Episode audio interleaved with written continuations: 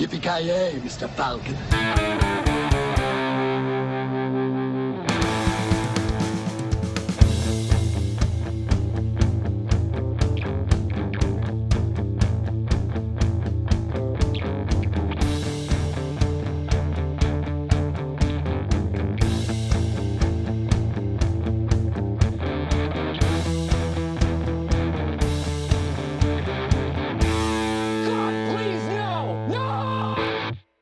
Tjenare kära lyssnare! Välkommen till ännu ett avsnitt av Creative Meltdown Podcast. Mitt namn är Joakim Granström och eh, som vanligt är jag inte ensam utan med mig från civilisationens pärla, mänsklighetens ursprung. Jag pratar givetvis om Peter. Kent, hur är läget?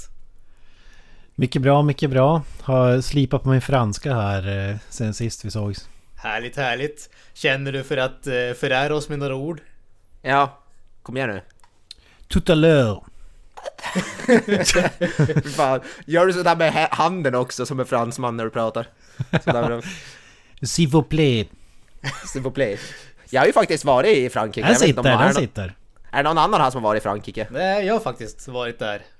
Du har det? En gång för länge ja, sedan. Den andra rösten som vi hör nu det är ju givetvis eh, Joakim Avoya från eh, civilisationens avgrund. Han skriker sig hes därifrån men vi lyckas få in honom på våran kanal ändå. Jag är på Lu- i Luleås svar på Paris befinner jag mig. Är det Frasses dine. eller vad? Ja exakt, såhär fine dining. Det måste vara någon getto-del av Paris i sådana fall. Det är Frasses är det fi- finaste dining du kan, du kan hitta här. Alltså det finns garanterat sniglar i deras eh, sopor också. Ja, jo, jo.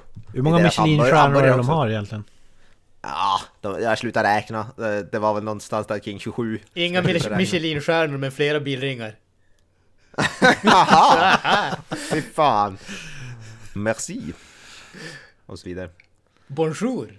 Bonjour. Ja, ska vi köra franska hela? Kanske vi får en ny publik. Det tycker jag. Ja fan det var tyska det där. Det börjar, det börjar bra det här. Med dålig så här fransk brytning. Ja, mycket bra. Mycket bra. Jag vet inte vad kan göra en fransk brytning. Uppenbarligen inte. Mina talanger är inte skådespeleri uppenbarligen. Ja men våra kära lyssnare, ni undrar ju säkert varför är vi så fokuserade vid Frankrike i detta avsnitt och det säger ju sig nästan självt, kanske inte överhuvudtaget men oavsett så vi har kollat på en fransk film för ova- ovanlighets skull. Vi brukar ju vara lite Hollywood-fixerade men eh, jag kände att det var dags för någonting annat så vi har kollat in Vargarnas pakt eller Le Pacte de Loup som den heter i Ja. original. Har vi sett någon film, annan film som inte är typ svenska eller engelska? Har vi det? Jag Fan, jag kommer, det är så helt still, försöker inte komma på något. Ett, Vi körde La Vie en Rose för ett tag sedan. ja, precis. uh, Äh, bra fråga, jag vet inte fan. Det känns... Ja, men vi har väl snackat om någon sån här um, Hongkong actionfilm vill jag minnas. Som gick på Netflix. Minns inte namnet. ja, just det. Ja, just det. Ja, typ såhär Blade of the Immortal körde den här Takashi Miike-filmen. ja just det, ja. Just det, vi just det. Vi pratade väl lite Just det, kort ja. om, eh, vad fasken heter den då? Iko Uwais filmen också som släpptes på Netflix pratade vi lite snabbt om den också. Vi, vi har väl Ja. nämnt dem i alla fall. Vi kanske inte har gått in så det är jättemycket på djupet. Ja. Vi rör Det oss jävligt- för 80-tals action och skräck. eh. Det, Det- blir, det- blir istället tidigt 2000-tal action och skräck och, och så vidare. ja.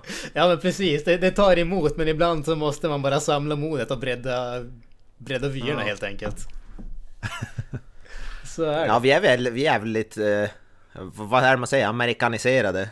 Ja men alltså det... Vidrigt sådant. Ty tyvärr, tyvärr är det ju så att eh, de- den film som vi ser, och då menar jag inte bara den film som vi personligen ser, men som vi liksom västvärlden ser, är ju oerhört fokuserad på Hollywood och därmed amerikanska filmer. Det, det går som inte att komma sig ifrån dem. Nej, så är det ju tyvärr. Även om det... Jag skulle nästan vilja påstå att icke-amerikanska filmer håller oftast nästan högre kvalitet, i alla fall rent generellt. Som Men- denna film bevisar. Alltså, ja, till viss del. Jag kommer, vi kommer gå in med det sen, men eh, förutom det här, det finns, det finns jävligt mycket bra annat, så det är synd att man inte ser mer. Jag tror Hur ofta, hur, hur ofta har ni sett eh, på fransk film just? Alltså så här, eh, asiatiska filmer är ju inte jätteovanligt men just fransk är ju... Det, det enda Ja. jag kommer ihåg är ju taxifilmerna som var populära för, var det början av 2000-talet kanske eller något? Ja, det var slu, slutet av 90, början av 2000 där. Eh, Det finns en del bra skräckfilmer från Frankrike som jag har sett. Bland, jag tror det har, finns en film som heter Martyrs, tror jag, som, Ja. jag tror den är fransk. Mar- Martyrs, den är franska. Mm. L'Intérieur är också fransken. Eh, det, det, Asterix-filmerna givetvis också franska. Då, alltså då, när det kommer till eh, filmer så skulle jag nog säga att eh, för min del så är nog Frankrike faktiskt på tredje plats efter Hollywood och Asien och sen kommer nog Frankrike. Men det, det betyder att liksom det är 90% Hollywood, det är väl typ 7, 8 9 kanske till och med procent eh, Asien och sen är det någon enstaka fransk film här och där. Det, det är inte så att det är, jag ser mycket på fransk film eller någonting sånt men de kommer nog ändå på en tredje plats för mig skulle jag tro. Ja, det finns mycket. Det finns en bra film som heter Frontiers, en riktigt bra skräckfilm också. Mm. Eh, vad heter det? Switchblade Romance såklart, det är ju en här klassisk uh, slasherfilm från Frankrike. Minns ju en magisk de- film som jag tror är fransk, Visitörerna. Med Jean Reno eller hur man nu uttalar. Jean Reno. Jean Reno. Jean Reno. Ja, jag, ja, jag vet inte om man ska räkna den som fransk igen, men jag tänkte Leon, den är väl en blandning i och med att det är Jean Reno och eh, Luc Besson som har regisserat Besson, den, även om det. är egentligen Ja. en gjord i Amerika och sådär, men ja, Ja. hur man vill se det. Alltså, Frankrike har, det är som sagt bra skräckfilm framförallt tycker jag. Riktigt, jag har sett en hel del skräckfilm från... Ja, Nåväl, precis, precis. ska vi gå vidare? Ja, vi kan gå vidare. Som sagt, vi har kollat in eh, Vargarnas pakt.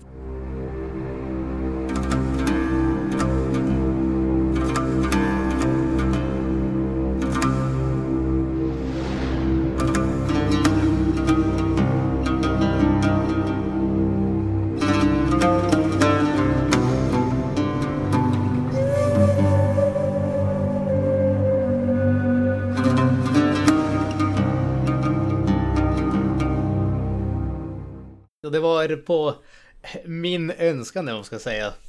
Eh, det, jag hade ju sett den här filmen way back when, alltså den gjordes eh, 2001 och eh, jag såg den väl i, i den vevan om man säger så, när den släpptes på DVD. Jag kommer ihåg att jag tyckte om den riktigt mycket då i alla fall. Och jag vet inte riktigt varför det kom på mig nu helt plötsligt, men jag bara kände att fan, det var länge sedan jag såg den där filmen, så att jag, jag ville se den igen, så att här är vi. Så- Den är regisserad av eh, en snubbe som heter Christoph Gans, han har gjort en film som jag gillar, så, eh, det, den kanske enda bra tv-filmatiseringen, en av få i alla fall. Eh, Han har gjort Silent Hill bland annat. Det har han gjort. Det, det har han gjort. Och den gillar jag, den gillar jag faktiskt. En av få så här, som gör spel rättvi- spelen rättvisa och som faktiskt är riktigt bra. Jag tycker, Den jag jag tycker den, är, den är helt okej. Han har ju också gjort uh, Crying Freeman med Mark Dacascos som är med i den här filmen också. Och så gjorde han en variant av eh, Skönheten och odjuret som släpptes typ 2013-2014 däromkring med Vincent Cassell. Men eh, för, för mig så är ju den här filmen den som sticker ut när det kommer till eh, Christoph Gans. Hans övriga filmer för mig det är liksom 6,5, 7 av 10 däromkring. De är, de är bra, de är välgjorda men det är ingenting som är fantastiskt. Men den här filmen sticker ut. Jag tycker den är lite bättre än i övrigt. Den här filmen är dessutom eh, producerad av Samuel Hadida som bland annat producerade alla Resident Evil-filmerna. Så att eh, han är också med ett finger i den här tv-spels... eh, fil- spe- tv-spelsfilm-genren om man säger så. Underbart. En, en sak som är coolt med den här filmen också för alla tv-spelsnördar, den är var en av inspirationerna till ett spel som heter Bloodborne som jag gillar som fan. Eh, och det märkte jag tydligt, det visste jag inte ens innan jag såg den, men det märkte jag tydligt sen kollade jag upp det och ja, det stämde ju. Och det är ett riktigt bra Playstation 4-spel. Som är eh, gjort av Dark Souls-skaparna From Software. Så om man, gill, om man gillar Bloodborne kan man definitivt kolla in den här och se en hel del inspiration. Speciellt till så här kläderna och, och som stilen och atmosfären till viss del. Det, det tyckte jag om. Mm. Lite kuriosa. Ja, jag hade ju inte sett den här filmen men jag, jag tyckte mig se en viss grej i den filmen som var en tydlig som... Jag tänkte så här, uh, slow motion delen. Jag tänkte, är det här, det här var ju Matrix-eran där, början av 2000-talet. Men nej, det känns mer bekant än så. Och eh, jag hittade faktiskt en koppling till John Woo. Det är ju faktiskt David Wu som har klippt eh, en av klipparna i filmen och han har ju klippt eh, ja, men all, all, typ alla John Woo-rullar. Hardboiled, eh, Better Tomorrow Ja. och så vidare. Och han är en av tre klippare. Så jag, kan, och, och jag kan tänka mig att han klippte den tredjedelen av filmen som är i slow motion för det är fan Ja, en tredjedel av filmen som Ja, är i alltså, slow fy, motion. Ja men alltså, ja, det- en viss fight, fight scen där i början alltså, fy fan. Så, så, lite vanligt slow motion, lite vanligt slow motion. jag alltså, tänkte att han sitter i klipp, klipprummet och bara uh, more slow motion, more. Jag, jag, jag, jag måste säga att jag, jag älskar ju den här filmen. Jag, jag, och det här är ju en film som, de- den bär ju sina inspirationer på, på sin sleeve om man säger så. Alltså det, det finns ju ingen tvekan om att den är inspirerad av John Woo. Dels eh, om man säger action när du har slow motion. Vi får ju till och med ett slow motion eh, shot med Mark Dacascos och fåglar som flyger. Inte duvor visserligen, men fåglar som flyger. Vi, vi har ju Eh, öppningsscenen är ju kraftigt inspirerad av eh, Hajen. Det, det är liksom en tydlig hommage om vi säger så. Det kan inte vara någonting annat. Och själva om man säger filmens uppbyggnad i sig är ju också väldigt, väldigt mycket Sleepy Hollow. Även om den här filmen inte går lika mycket åt det övernaturliga. Men det, det är definitivt en film som bär sina inspirationer så att säga med stolthet. Jag, jag tänkte säga då, alltså Sleepy Hollow, men jag ska, jag ska bara nämna David Wu, jag måste börja shout-out. Han klippte ju även Bride of Chucky som regisseras av Ronnie Yu. Eh, magisk Ja just det. regissör. Freddy vs eh, Jason, eh, regissören. Jajamän. Fy fan vilken magisk snubbe. Vill bara få det sagt. Men som du säger, jag, jag såg Sleepy Hollow bara för någon vecka sedan. Var en slump på Netflix tror jag att det var. Eh, helvete vad dåligt den har åldrats. Den är ju, jag fattar inte hur jag kunde tycka om den back in the days. Men den är ju jävligt lik den här filmen. Alltså den, den är som en bland, den här filmen är som en blandning av Sleepy Hollow, Predator har den ju snott jävligt mycket från också. Tok inspirerat. Som du säger, John Woo. Och eh, vad fan heter den här filmen? Ja, Ma- Matrix förstås. Vissa grejer måste man ändå säga, eller vad säger du? Mm. Ja, ja alltså, jag, jag vet inte om jag tycker Matrix egentligen, för jag tycker att Matrix i sig är ju så extremt inspirerad av så mycket asiatiskt. Så jag, jag vill ge han liksom, jag vill ge han så pass mycket cred att jag säger att han är mer inspirerad av det, samma asiatiska saker som Matrix inspirerades emot. Även om jag absolut ser kopplingen som du försöker göra, definitivt. Mm. Ja, jag älskar Predator-kopplingen faktiskt. Eh, vad fan heter Ja, The Howling heter den väl, den filmen. Eh, Varulvsfilmen tänker du? Ja, precis. Ja. Den Alltså- måste ju vara en inspirationskälla här tycker jag.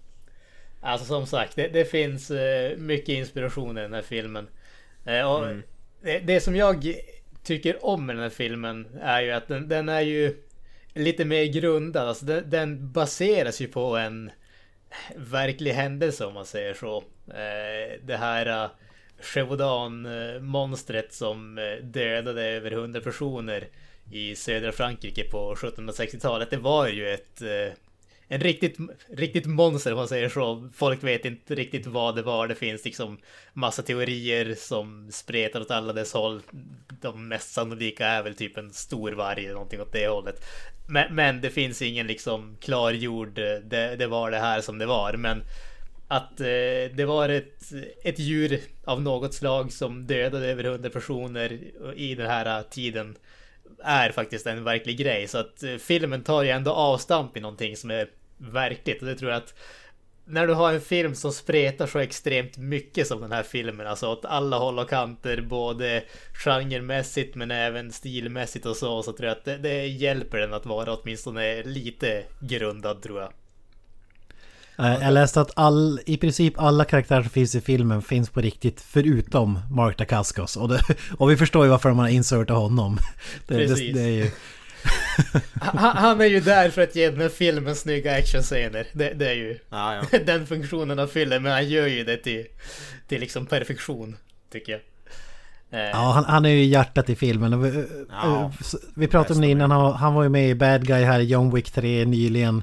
Men eh, känd från Double Dragon-filmen, den magiska klassikern från 94 där. På tal om tv-spelsfilmer.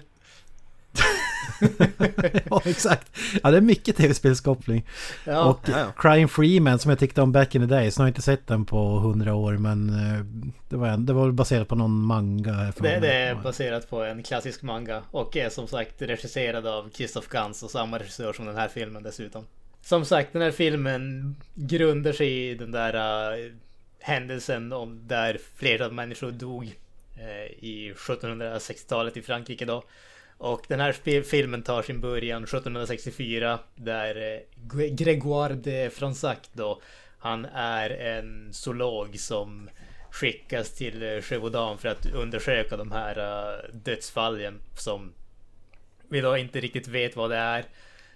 Som är orsakat för men folk tror att det är en gigantisk varg och så med sig på Eh, resan så har han Money som då är eh, spelas av Mark Dacascos och så är den här amerikanska indianen en eh, Iroquois tror jag att det var i filmen. Och eh, efter att eh, han har undersökt några sådana här eh, offer så tyder ledtrådarna på att det kanske inte bara är en stor varg utan någonting helt annat som han är och jagar efter och dessutom att det kanske finns någonting som är lite mer mänskligt inblandat. Att det inte bara är ett eh, vildsint monster som går lös bland fårahedrarna där i södra Frankrike. Nej, där, där har du ju Sleepy Hollow-kopplingen. Alltså en detektiv eller vad man ska kalla det som skickas dit för att undersöka som är lite skeptiker. Typ, är det här en Ja. Scooby-Doo-historia? Bara en snubbe i en mask? Är det vaktmästaren eller är det en sagomonsterfigur liksom? Ja men precis, och som du säger, alltså du har den där skeptikern som kommer till de här lokalborna där alla tror att det är någonting övernaturligt som händer och han är där för att undersöka det och liksom hitta den jordnära sanningen om man säger så. Det påminner lite om det här, vad heter det, Sherlock Holmes, där hunden från Baskerville, Gacy Moise, där de också, där är också så här något övernaturligt monster eller är det, vad heter det? Det finns ett Sherlock, av, alltså avsnitt av serien Sherlock som har liknande handling typ. Mm. När Sherlock Holmes kommer till någon by där de blir attackerade av något, någonting som de tror är ett monster typ. Och så vidare. Framförallt bok och så vidare. Men, ja. Ja, Va? ja, Finns det alltså, Sherlock Holmes-böcker? Ja, jo. Nej men den är ju baserad, det, är ju modern tolkning av böckerna såklart. Men... Ja precis. Ja men som sagt, jag, jag hade ju sett den här filmen tidigare och jag tyckte ju riktigt mycket om den. Men jag måste ju säga att min stora förvåning här då att du inte hade sett den Kent. Nej, alltså det här känns som en film på den tiden det fanns Ginsa-kataloger man ju bläddrat förbi omslaget hundratals gånger på så här... så, så, så jag känner igen omslaget och eh, men jag hade ingen aning om vad filmen handlar om eller sådär. Jag, jag vet inte varför för jag, jag har sett ganska många filmer av Mark Dacascos i alla fall. Han är ju kampsportsfigur, eh, Poor Man's Bruce Lee eller vad man ska kalla det. Han, han, har, han har väl inte de största produktionerna som han brukar vara med i men ändå en, en eh, skådis som jag gillar. Men nej, jag vet inte, jag har aldrig... eh, Kanske för att den heter Vargarnas pakt, det låter inte jättehäftigt. Och så är ju... Som ni vet, jag är allergisk mot filmer med vad jag kallar genren för gamla kläder. Alltså period pieces i den här tidseran. Det är inte min eh, melodi. det därför blev jag förvånad då när jag upptäckte att Mark Dacascos faktiskt finns med. Åh fan, är det en kampsportsfilm det här? Men, och, och det är ju typ kampsportsfilm, skräckfilm, drama, period piece, kärleksfilm. Det, ja, allt möjligt. Alltså när man hör titeln Vargarnas pakt, det låter ju som en sån här kostymdrama från typ 1800-talet eller något sådär. Man tror ju sig framför mig att det ska se folk som sitter och dricker vin och pr pratar skit om varandra. Typ, något. Ja, Så ja. Mad Men i, Mad i, gam, vad heter det, i Frankrike på 1800-talet typ. ja men exakt. Det låter ju inte den sexigaste titeln, det måste man ju säga. Nej. Då tycker jag Brotherhood of the Wolf som den heter på, på, på engelska låter coolare. Ja, det är gränspuck alltså. Det är inget... Wolfman eller... Alltså, jag, jag, tycker ju, jag tycker ju fördelen med, eh, vad heter det, den engelska titeln är att det får det att låta som en varulvsfilm. Det, det är väl det som den har lite grann till vinning. Ja, det var det. Alltså, jag trodde ju det skulle vara typ en varulvsfilm, att det var typ om gäng, alltså att de, de jagar varulvar typ. Jag trodde det var det det skulle vara. Det där var jag lite besviken om att det inte var mer varulvar. Du trodde det var typ Dog Soldiers? Ja, typ. Alltså jag trodde det var typ Dog Soldiers i typ, vad heter det, såhär medeltida Frankrike eller vad man ska säga, inte medeltida men... Ja, ja, det hade varit fantastiskt faktiskt. Ja, det var badass som fan. nu var det inte riktigt det vi fick, men det, det, det var det jag förväntade mig i princip.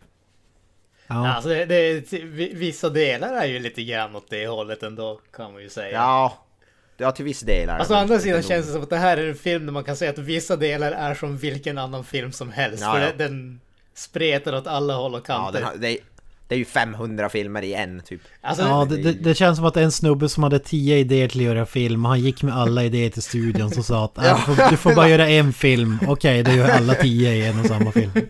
Ja, alltså Christoph Gutman. Ja, jag har en idé till en jävligt bra skräckfilm, men också så mycket kampsport och det ska vara, men även alltså en lite kärleksfilm. Ja, you get to do one movie. Ja, men det kanske var, det kanske var så här boardroom typ.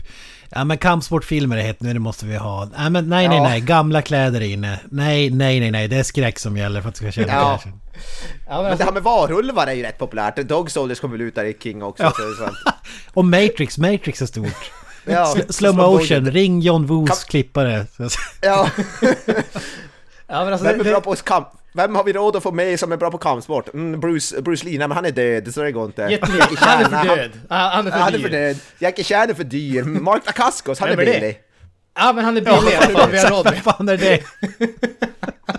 Snubben från Crying Freeman. Ja men okej, vi drar in han då. Han har vi råd med. Ja men alltså, det, det, det är ju lite grann det som gör att Alltså som sagt, jag tycker väldigt mycket om den här filmen. Det, det känns som en film där de kastade verkligen allting på väggarna för att se vad som fastnade. Och jag tycker att allting fastnar på väggen. Det, det är det som är grejen för mig. Men jag har också fullständig förståelse för att vissa kan tycka att ingenting fastnar och den här filmen är bara liksom alltså, vad i helvete är det här ens en film ungefär? För mig är det väl typ att vissa delar fastnar och vissa faller, faller av så att säga. Alltså, för, för mig är det, när jag ska se såna här filmer, alltså... eh, Man köper ju, om man säger kampsportfilmer som är på annat språk till exempel, då, då köper man ju, okej det är inte så mycket dialog men det är en jävla massa kampsport.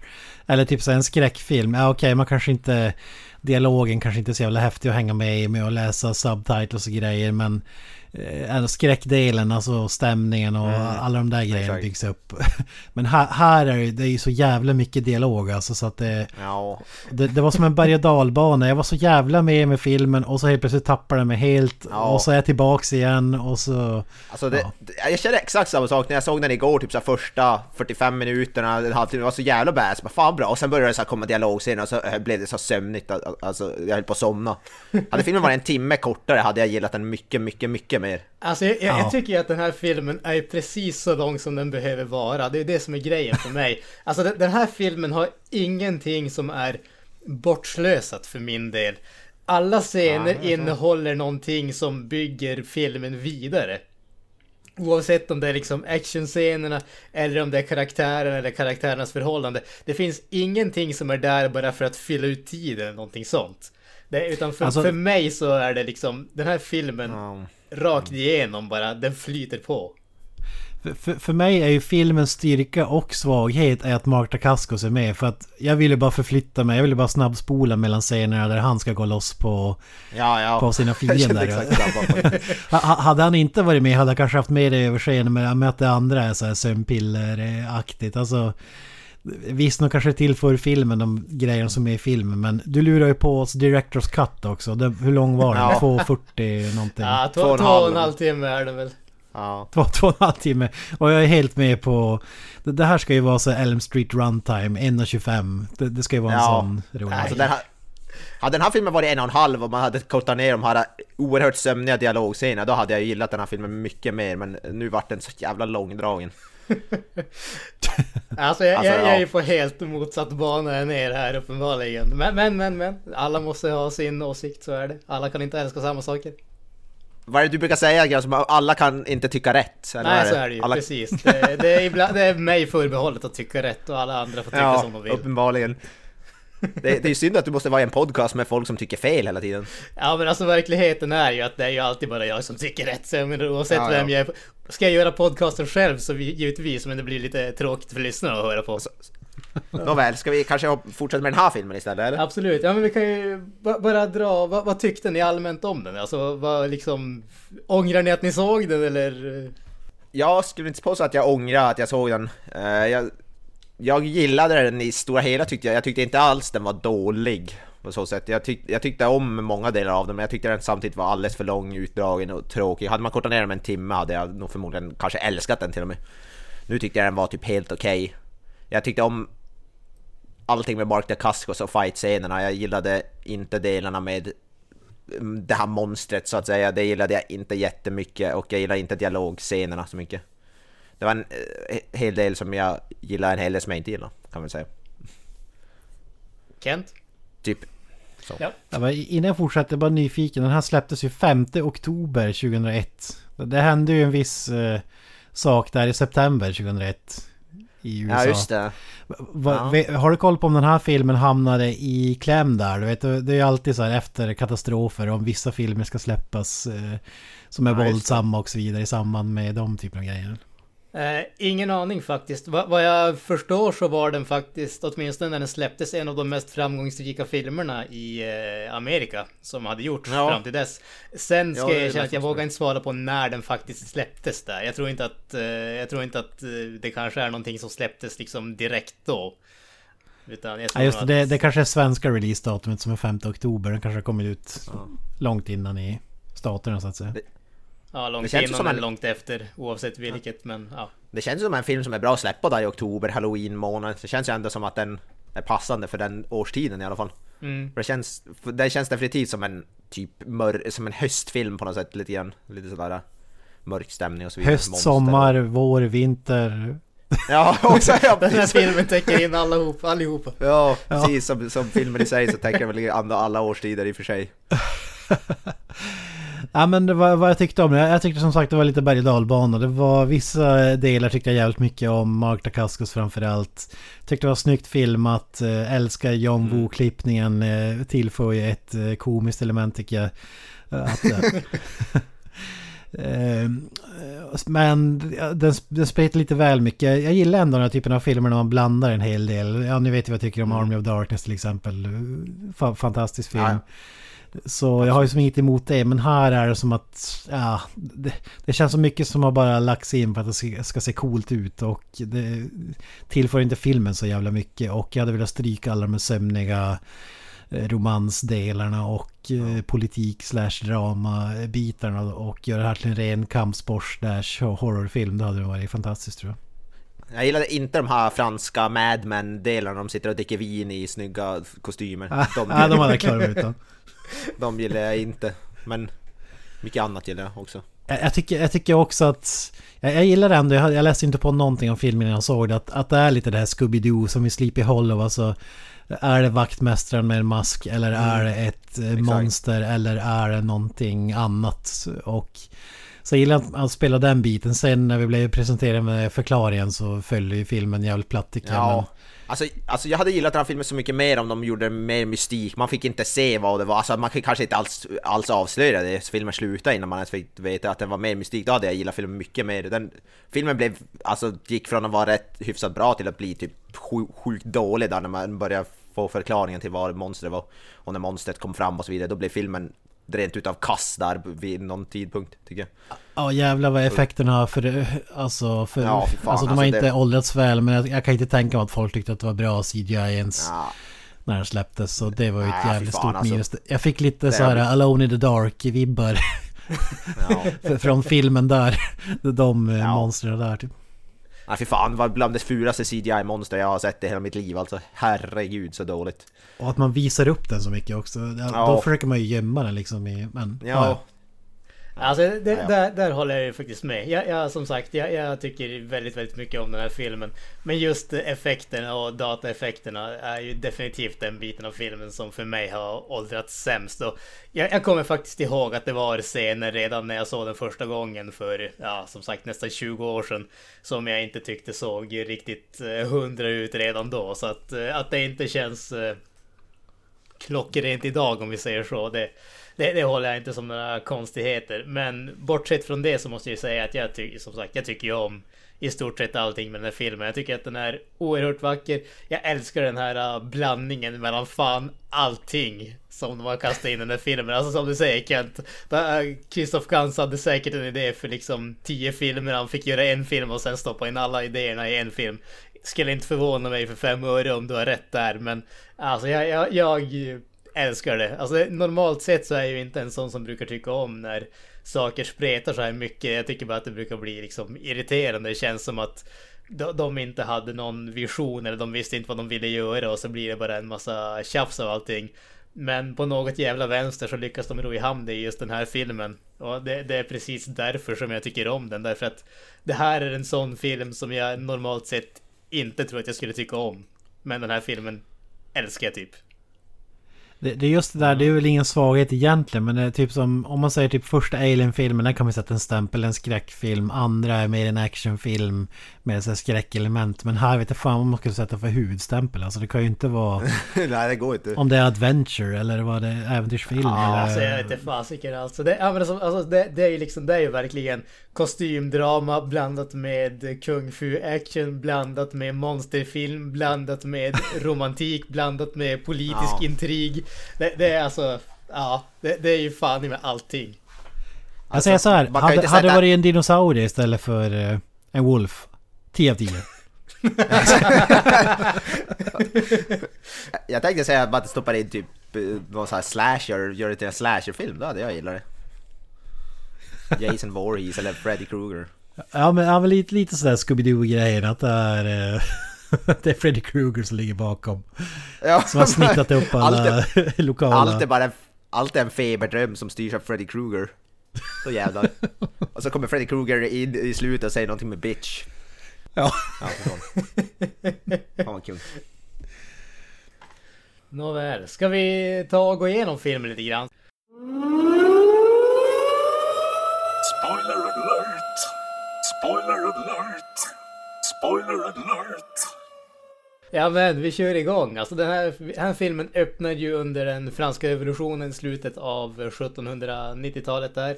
Marquis d'Apcher sitter och skriver sina memoarer och så far vi som in i memoarerna och det är han som är våran eh, berättarröst om man säger så. Vi tar oss tillbaka till som sagt mitten av 1760-talet. Och eh, en kvinna som, en blodig kvinna som flyr efter någonting. Hon ramlar, slår sig mot en sten som hon sen försöker klättra upp på men innan hon vad heter det, innan hon lyckas komma upp så är det någonting som får tag i henne, någonting som vi inte ser och sen börjar hon slängas omkring i luften av den här saken. Som sagt en så här tydlig hommage till eh, Hajen där uh, introduktionsscenen mm. till Hajen där vi får tjejen som flyger far omkring i vattnet där. Det här är ju samma sak men i luften ungefär. Alltså jag gillade den här öppningsscenen som fan. Den, det fick mig riktigt taggad när jag såg den. För det här kommer vara något så här riktigt bra skräckfilmaktig. Alltså jag gillar, jag gillar öppningen som fan. Jag hade hellre velat att filmen var mer, mer som Hajen fast i den här tidsåldern hade jag älskat tror jag. Alltså jag, jag tycker också om den här öppningsscenen. dels för, om man säger, som sagt, hommagen till Hajen. Men sen också den här scenen och så nästa scen också. Så det, det är en... Den, den, börjar med att visa istället för att bara börja prata en jäkla massa i alla fall. Utan den börjar med action med en gång. Mm, precis. Eh, och sen så efter det här, efter att hon, vi har sett att henne, hon blir dödad då, så klipper vi till två personer på häst som eh, rider i regnet. Och eh, de, vad heter de kommer på en man och en kvinna som jagas av ett antal män som är utklädda till kvinnor. och eh, de här männen då, de eh, hinner fatt, fast dem, eller fatt dem och eh, börjar slå på dem med pinnar och då hoppar en av de här ridande männen ner och eh, vi får filmens första kampsports eh, actionscen alltså. Och för mig så är den här det, det här är ju liksom en av de bästa introscenerna i en film någonsin tycker jag. Jag älskar regnet, jag älskar att de slåss med pinnarna som egentligen ser ut som sådana här uh, bostavar om man säger så. Jag älskar liksom hur uh, intensiv Mark Dacascos är i den här filmen, eller i den här scenen dessutom. Det är liksom, så fort han hoppar ner från eh, hästen så vet man vad som kommer att hända. Man gillar också att han är redo. Alltså han kör ju den här uh, Eric Cantona, franska fotbollsspelaren. Han fällde alltid upp kragen när det var allvar. Och de har ju kragen uppfälld upp till jävla ögat alltså när de uh, slåss. Dacascos och hans polare liksom. Ja men precis, precis. Alltså det är, det är liksom, de förutsåg coronaviruset med 300 år så att det, det är liksom, det, det, det, är andningsmasken som de har på sig. ja, jävligt eh, effektiv alltså. Det, jag, jag tror fan det kan vara en hyllning till Cantona faktiskt att fälla upp kragen. Alltså, det är fan inte omöjligt. Fransk legendar. Spelar i Manchester United bland annat. Ja precis. Ja vad tyckte ni om den här själva actionscenen då? Koreografin och så. Alltså, jag, jag tycker att det här är ju en solklar öppning för min del. Det, dels är den riktigt snyggt gjord och så sen får vi den här uh, större delen av scenen är ju faktiskt lite längre klipp. Alltså vi överlag tycker jag att den här filmen är hyfsat bra på det där. Att när vi får kampsportscenerna så alltså får vi åtminstone lite längre klipp. Men den har ju definitivt stunder där den liksom klipper de här 20 gångerna i sekunden känns det som ibland. Men den här scenen är, känns lite lugnare där tycker jag. Jag tycker att det, det förbättrar den här scenen riktigt mycket faktiskt. Alltså det, det här är typ bästa scenen i filmen tycker jag när han när de slåss i regnet där. Speciellt som sagt, det man ser de här kläderna där, alltså Bloodborne som sagt. Bloodborne kläderna där och ja. Slow motion, jag tycker den är badass. Jag tycker det typ öppnar starkt och sen går det sakta ut för, typ, för mig nästan. ja, den, den, har ju mycket slow motion, det gillar man ju. John Woo-aktig. Ja. Och så är det som att han förvandlas ja. till Donatello där med staven, det gillar man också. Ja fy fan. Och så typ han så, den där kläderna ser ut som att han blir så stel också, så han står som rak det ser inte ut som att han kan böja, bli så böjlig och sådär. Det tyckte jag var roligt också. Ja, men... Han kan inte som vrida på nacken så mycket och som, han står som upprätt. Lite Batman Begins över det. Ja, jag fick fan lite Jag tänker säga, jag tror inte att det är lite såhär samuraj-hyllningsaktigt. Han ser lite ut som en sån tycker jag när han fäller upp den där ja. eh, kantonarkragen och har, har den här uh, trekantshatten eller vad fan det är. Ja. Nej, sjukt badass. Alltså var, varannan, vad heter det, scen i slow motion, varannan. Det är lite vanligt i slow motion. det, det, är, det är liksom... Det är ju inte en roundhouse kick där van Damme tar ut fem pers i en spark, det är det ju inte. Men nu, nu är det en cool scen. Det, det, Får man säga. Det, det är det som är så roligt också, det här är typ den enda scenen som har sådär mycket slow motion tycker jag, fight-scenen. Sen är det typ, de andra fight-scenerna går ju hyfsat normalt tempo ändå. Så det är lite roligt också. Ja, jag vet inte fan om jag håller med om det men... Nej, inte jag, inte jag heller. alltså inte, det, inte tycker jag de andra fight hade så jävla mycket slow motion jämfört med den här. Den här scenen var ju mer slow motion än icke, tycker jag.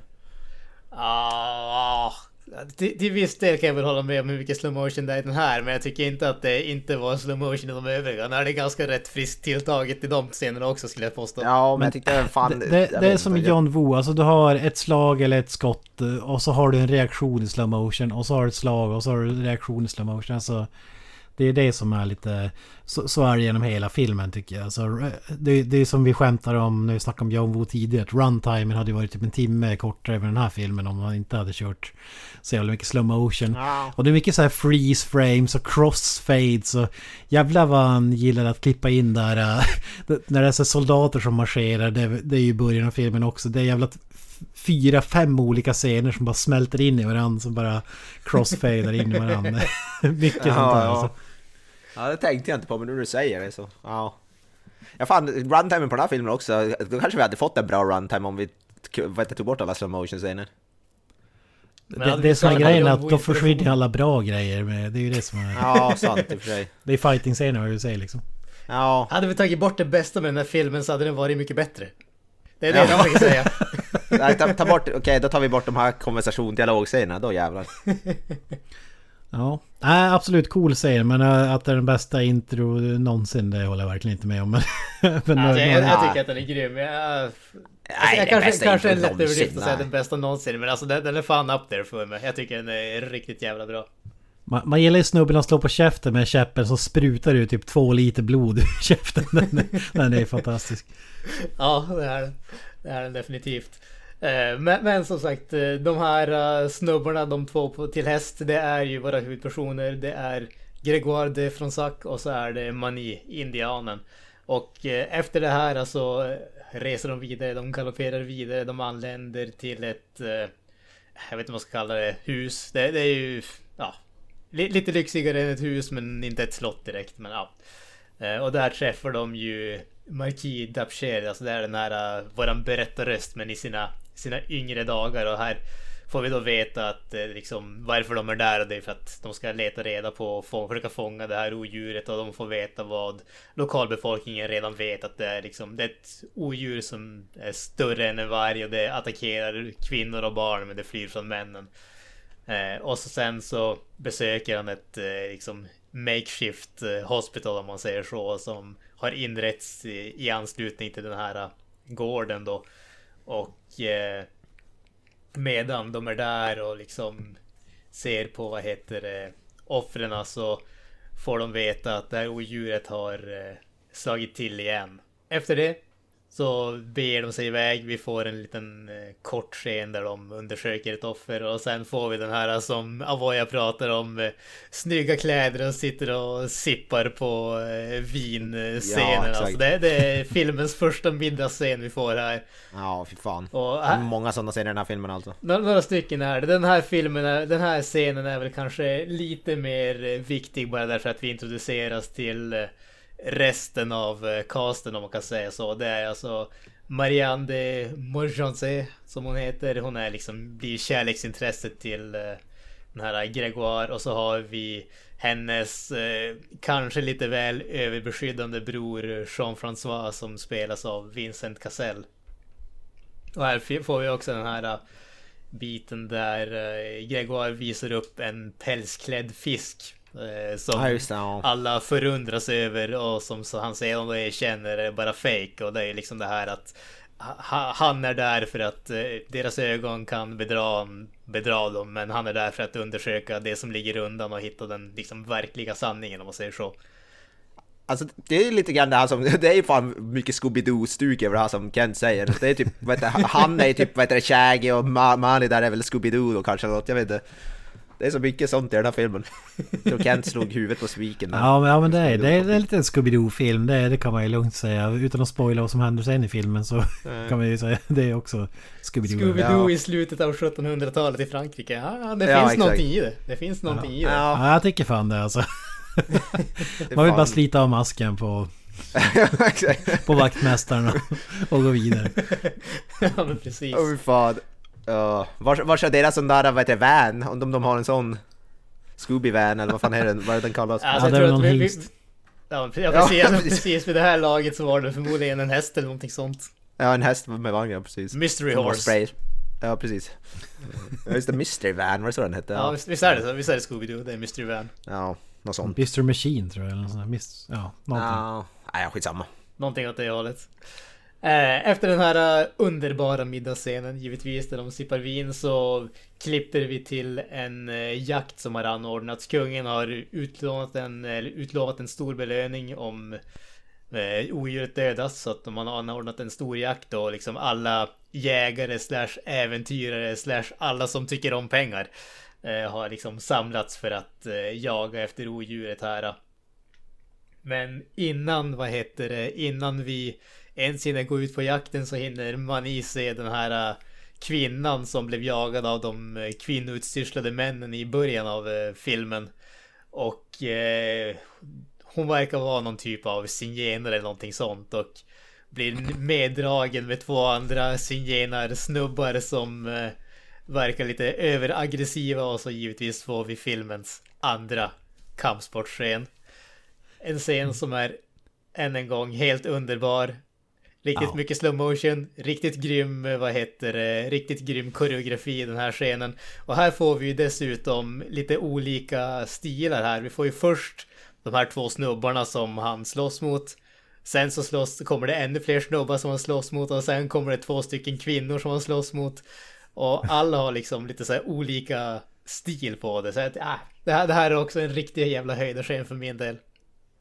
Det är lite X-Men-film eh, också för det kommer ju, de har ju såhär Wolverine claws som de fightas med. De har ju två stora jävla eh, klor. Det är, det är som en hammare och skära nästan fast med två gigantiska klor vissa av de här snubbarna. Precis, precis. Och eh, det, det är ju precis där som den här film, eh, den här scenen, kampsportscenen så avslutas också. En snubbe tar fram såna här uh, Wolverine-klor om man ska kalla det och försöker attackera han bakifrån. Men innan Mani hinner ens reagera på det så blir den här snubben skjuten av eh, Jean-François. Som skjuter med ett eh, custom made eh, pistol. Och han skjuter silverkulor. Ja det var ju någonting, vad fan var det? Att han, han, han hade speciella sorts kulor så att folk skulle veta att det var han som hade skjutit. Precis, det, det är hans signatur så att säga. Ja, det kanske inte var det smartaste draget. Precis. Ja, men jag gillar den serien men jag fattar inte var det, varför, den bör, varför bråket börjar. Är det bara att de är galna eller var det någon slags revenge från första scenen? Var det, är det det vi ska läsa in? Alltså, nej, alltså det, det här är väl en av de där bitarna som jag har lite svårt att förstå i ärlighetens namn. Och det är ju vad, vad signenerna egentligen gör i filmen. För det är som att de, de, de är där och de slåss med folk men man vet aldrig riktigt vad deras motivation är. För det är ju inte de som jagar dem i början av filmen. De som jagade dem i början av filmen det var ju typ den här äh, militärsnubbarna som var utstyrslade till kvinnor eftersom monstret bara attackerade kvinnor. Så det var ju därför så att de inte skulle skrämma iväg dem för att de var män. Eh, men sen alltså varför de egentligen börjar den här stilen, ingen jävla aning. Förklaringen är väl att vi det? behöver en kampsportscen med Marta Kaskos. Nu är det dags innan vi går ut på jakt. Ja, precis. Ja, det tackar vi för. Ja, alltså absolut. Det, det är ju inte så att jag klagar för någonting. Han är, han är ju faktiskt ganska underskattad. Alltså, han håller ändå jävligt hög klass. Den här, de här scenerna hade ju kunnat vara jävligt lökiga om du hade... Eh, ja men vad fan ska vi säga? Ja men någon skådis som inte har de skillsen eh, han har. Alltså han är, han är ju ingen superskådis som många andra kampsports... Eh, som är med i kampsportsfilmer. Men eh, han är, han är ju jävligt bra på det han gör liksom.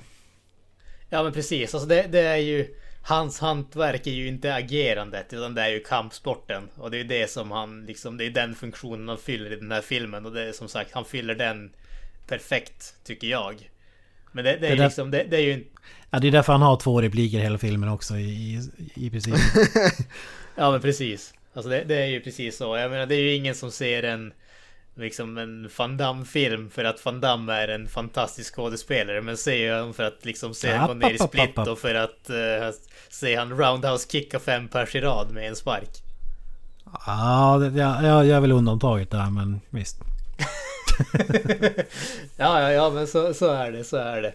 Eh, här får vi också veta att eh, Jean-François, han har ju bara en arm och vi får ju veta att han förlorade andra armen till ett eh, lejon i Afrika. Vilket eh, kanske kommer att spela in senare. Ooh, cliffhanger. Ja, precis. Cliffhanger.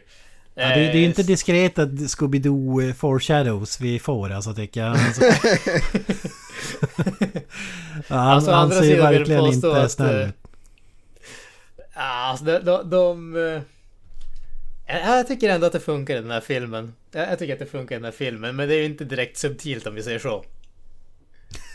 Ja, är det, efter första kvarten då var man ju säker på vem...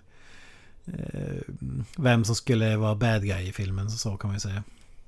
Ja, det, det, det kan man absolut säga.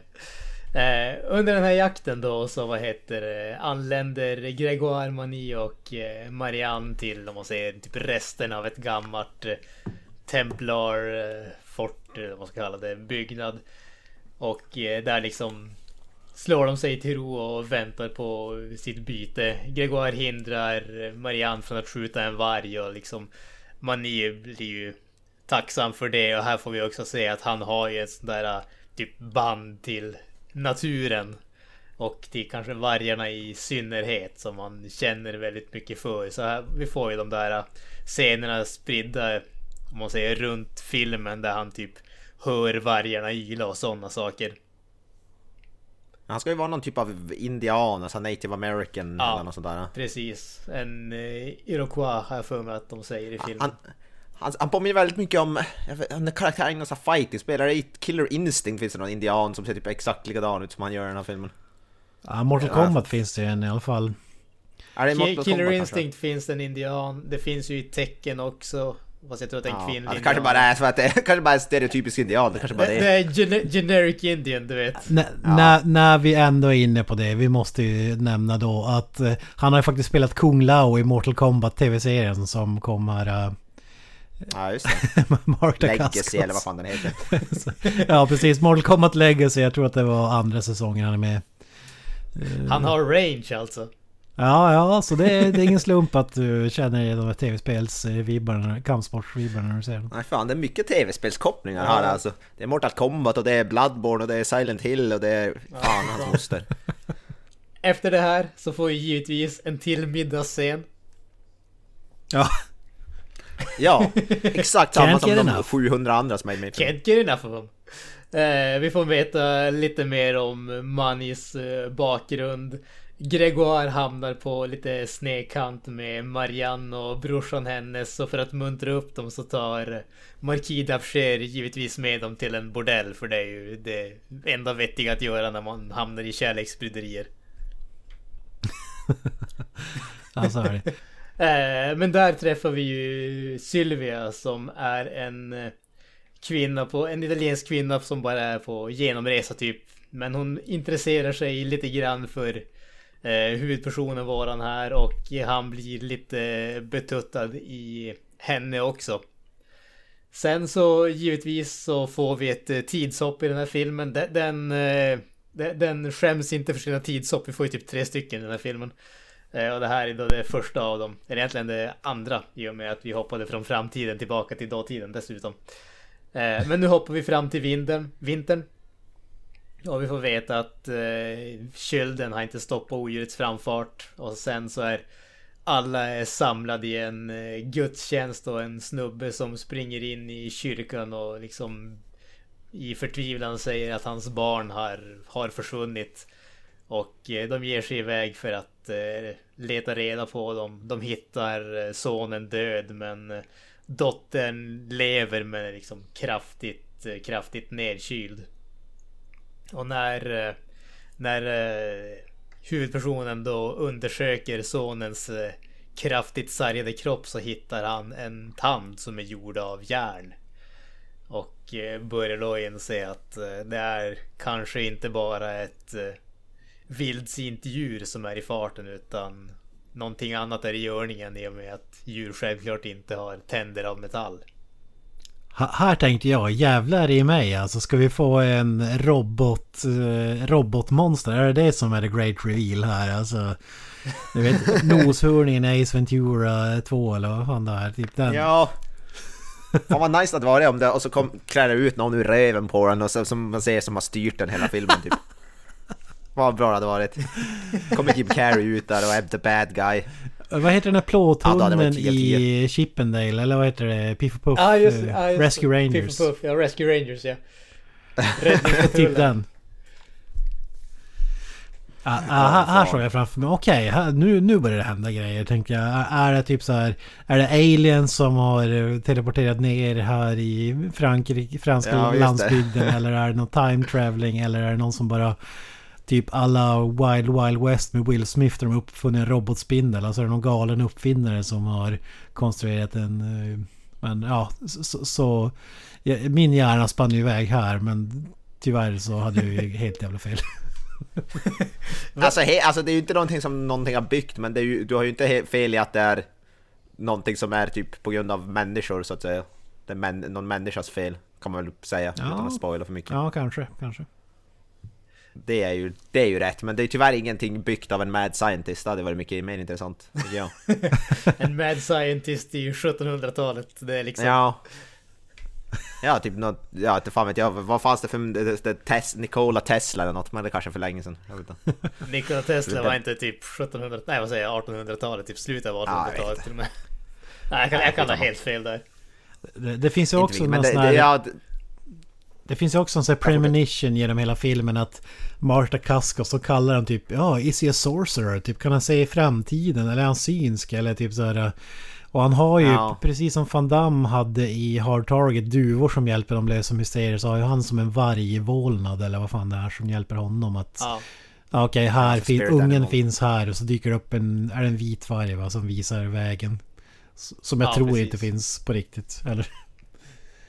Alltså man, man vet ju som aldrig riktigt. Det, det är lite grann... Det är lite tvetydigt det där ifall vargen är riktig eller inte. Eller om liksom andra ser den eller inte. Men det, det verkar ju som att de här gångerna när han ser vargen så verkar det som att ingen annan ser den i alla fall. Men om den är verklig eller inte det är lite sådär. Ja, är det eller är det inte? Det är ju han som där, vad heter det, indianer har ju så spirit animals, det är väl hans spirit animal så att säga. Ja, men precis. Det är ju någon scen där när han typ går och håller, hand, håller massa folk i handen och säger vad deras spirit animal är typ eller något annat. Ja, det, det, det var ju middagsscenen som var alldeles innan Ja. det här. Då, då Och så- Ja, exakt. Han tar ju även någon form av eh, LSD där som gör att han får de här visionsen. Så jag antar att det är det som är... Ja, det är bara, det är some acid. druggy trip allt. Junkie. Ja, exakt. Oh look, look there's a wolf over there. No dude, you're high as fuck. Ja men det är så, han kommer ju bara helt målad och bara Hey, hey man, what's up man? Och så typ You wanna see some stuff? och så trycker han in massa så här svampar i käften Alltså, på folk. Liksom. Ja, det är typ såhär Breaking Bad, så här, han går på med crystal meth eller något. Och han ska, de tror bara att han ska vara så väldigt visare, ja men är, han är bara hög hela tiden, det är det som är grejen. Är tokig. Han, han, ser han, ansiktet han säger bara Fear and Loathing in Las Vegas och så han har den. Ja, exakt! There were lizards everywhere, and someone was feeding this goddamn things. I got the munchies. Ja, exakt. Och det, hela det här monstret egentligen är bara en vanlig, typ, en vanlig chef eller någonting, men hans, hans, hans drug trip ser ut som en stort jävla demon. Ja exakt, det är bara en jävla fucking pudel som är monstret. Men i hans värld är det liksom wow! Ja, exakt. Jag bara oh wow dude! Alltså det, det enda jag börjar tänka på när vi pratar om det här det är att det hade varit jävligt intressant om Dave Chappelle hade varit eh, indianer istället för Michael Cascos. Oh, Ja, hans crack med, eller vad fan heter den här äh, karaktären han har i Chappelle show? Som alltid har vitt pulver fulla ansikte liksom. Fy fan. Vad roligt om han, alla var fighting så trodde, tror han bara att han är så jävla bra på att slåss men egentligen så, så vad heter det, så gör han ingenting alls. Ja, om man se hur det egentligen ser ut klipper de sen i slow motion. Ja precis. Och så står han bara och slåss i luften typ. Ja, ja men det är så, vad fasken heter den där filmen som vi såg den för ett tag sedan? Chappelle-filmen. Eh, ja, On eh, air, nej. Nej, nej, Nej, inte den. Alltså komedin. Vad sa du? ja, när de, eh, de mördar hästen i början. Ja, men jag, jag, tänker, ja, men jag tänker i slutscenen där när det är snubben som gör karatesparkar i luften utan att någon ens är i närheten.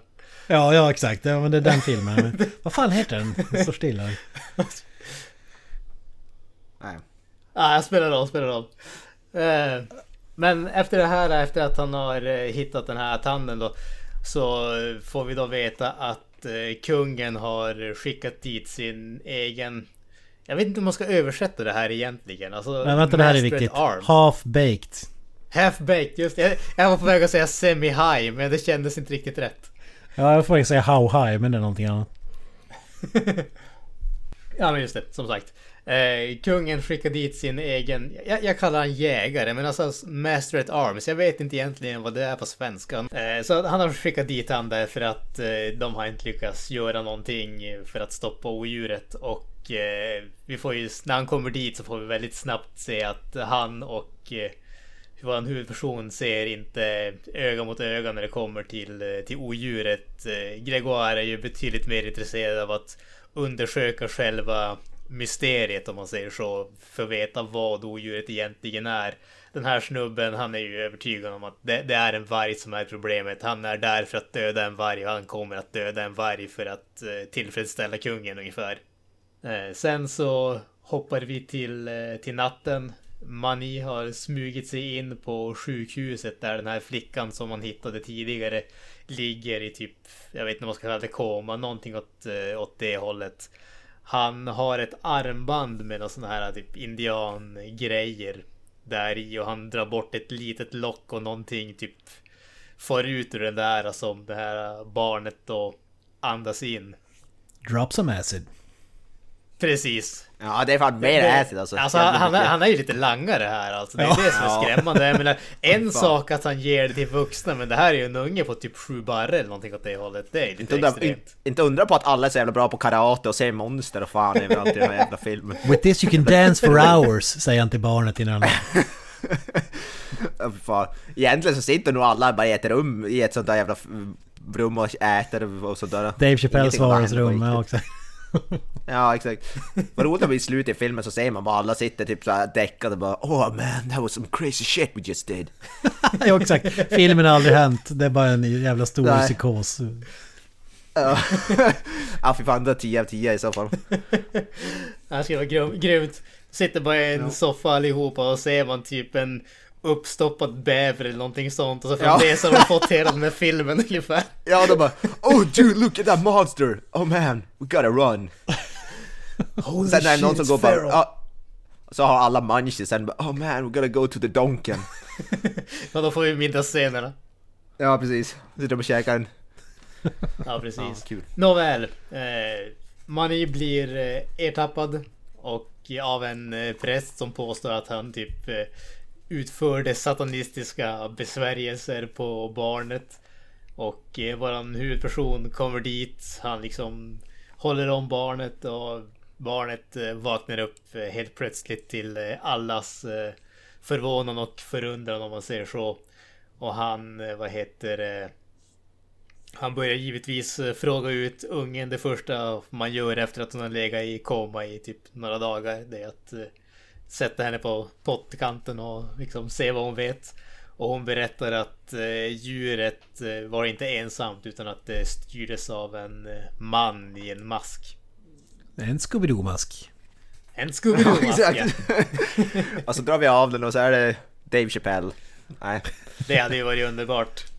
Ja. Va, vad kan man säga om masken? Det är lite dödskalle-shapad grej eller? Ja. Lite Skeletor typ. Ja, ja precis. Li- lite grann åt det hållet. eh. Det, ja, men alltså, Ja. Det, det känns som li, lite grann ett mellanting mellan en dödskalle och ett bränt ansikte om man säger så. Ja. Ja. Typ Freddy Krueger blandat med Skeletor. Det, det jag tänker på, vad heter det? Det jag tänker på när jag ser den, det är ju... Så det här är väl ingenting som någon som inte bryr sig om Slipknot kommer att bry sig om. Men Corey Taylors förra mask, alltså den som han hade på... eh, Vad heter det? Ja just det, Grey Chapter. Ja precis, alltså den, den som såg typ ut som en, ett mänskligt ansikte men inte riktigt om man säger så. Ja, jag tror kanske jag vet vilken du menar. Möjligtvis. Nej men efter, efter, att, eh, efter att vi då fått veta att monstret kontrolleras av en eh, utklädd man så kallas eh, vår huvudperson till jägaren som ber honom att eh, stoppa upp en eh, varg som han då har dödat och ta med i Paris att eh, visa för kungen. Vår huvudperson Gregoire säger ju direkt att det här är ju inte odjuret, det är ju liksom mycket, mycket större. Men jägaren säger att det gör ingen skillnad utan kungen bad om att få ett monster och om det då betyder att de måste skapa ett monster då får de skapa ett monster så att eh, han får liksom böja sig för det. Han har inte något, något val om man säger så. Efter det här så får vi givetvis en eh, Doom-scen, det vill säga första persons eh, perspektiv. En eh, kort kort scen där men man känner att man måste ju nämna det bara för att det är tv-spelskopplingen så att säga. ja, här kommer den igen alltså. Precis. Fan. Eh, det, det är bara liksom en halv minut eller någonting sånt. Det är en snubbe som har smugit sig in på bordellen och så är det en teckning som Gregoire har gjort av eh, den här italienska prostituerade då. Och... Ja, vi glömde ju nämna med, Bo- eh, vad är det, Monica Bellucci, Monica det Bellucci. Precis. Ja, precis. Det är den enda andra skådisen jag kände igen förutom Mark Dacascos. Jag känner du inte igen Vincent Cassell? Nej, det tror jag inte jag gjorde. Det är han med utan armen va? Ja precis. Han är, Ja, han, han nej, är han- typ en av Frankrikes mest kända skådisar skulle jag påstå. Ja. Alltså jag känner ju inte många, jag känner många frank, franska skådisar. Den enda franska skådisen som jag kan nämna på rak arm är han med stor näsa. Gerard Depardieu. Ja, Jag, tycker, jag tycker om att du sa det enda jag kan nämna är han med stor näsa istället för att säga vad han heter. Kan du inte Ja, men det säga är, för att, det är för att hans näsa är mer känd än han själv, höll jag på att säga. Men, men han, han, med han, som, Putin dessutom.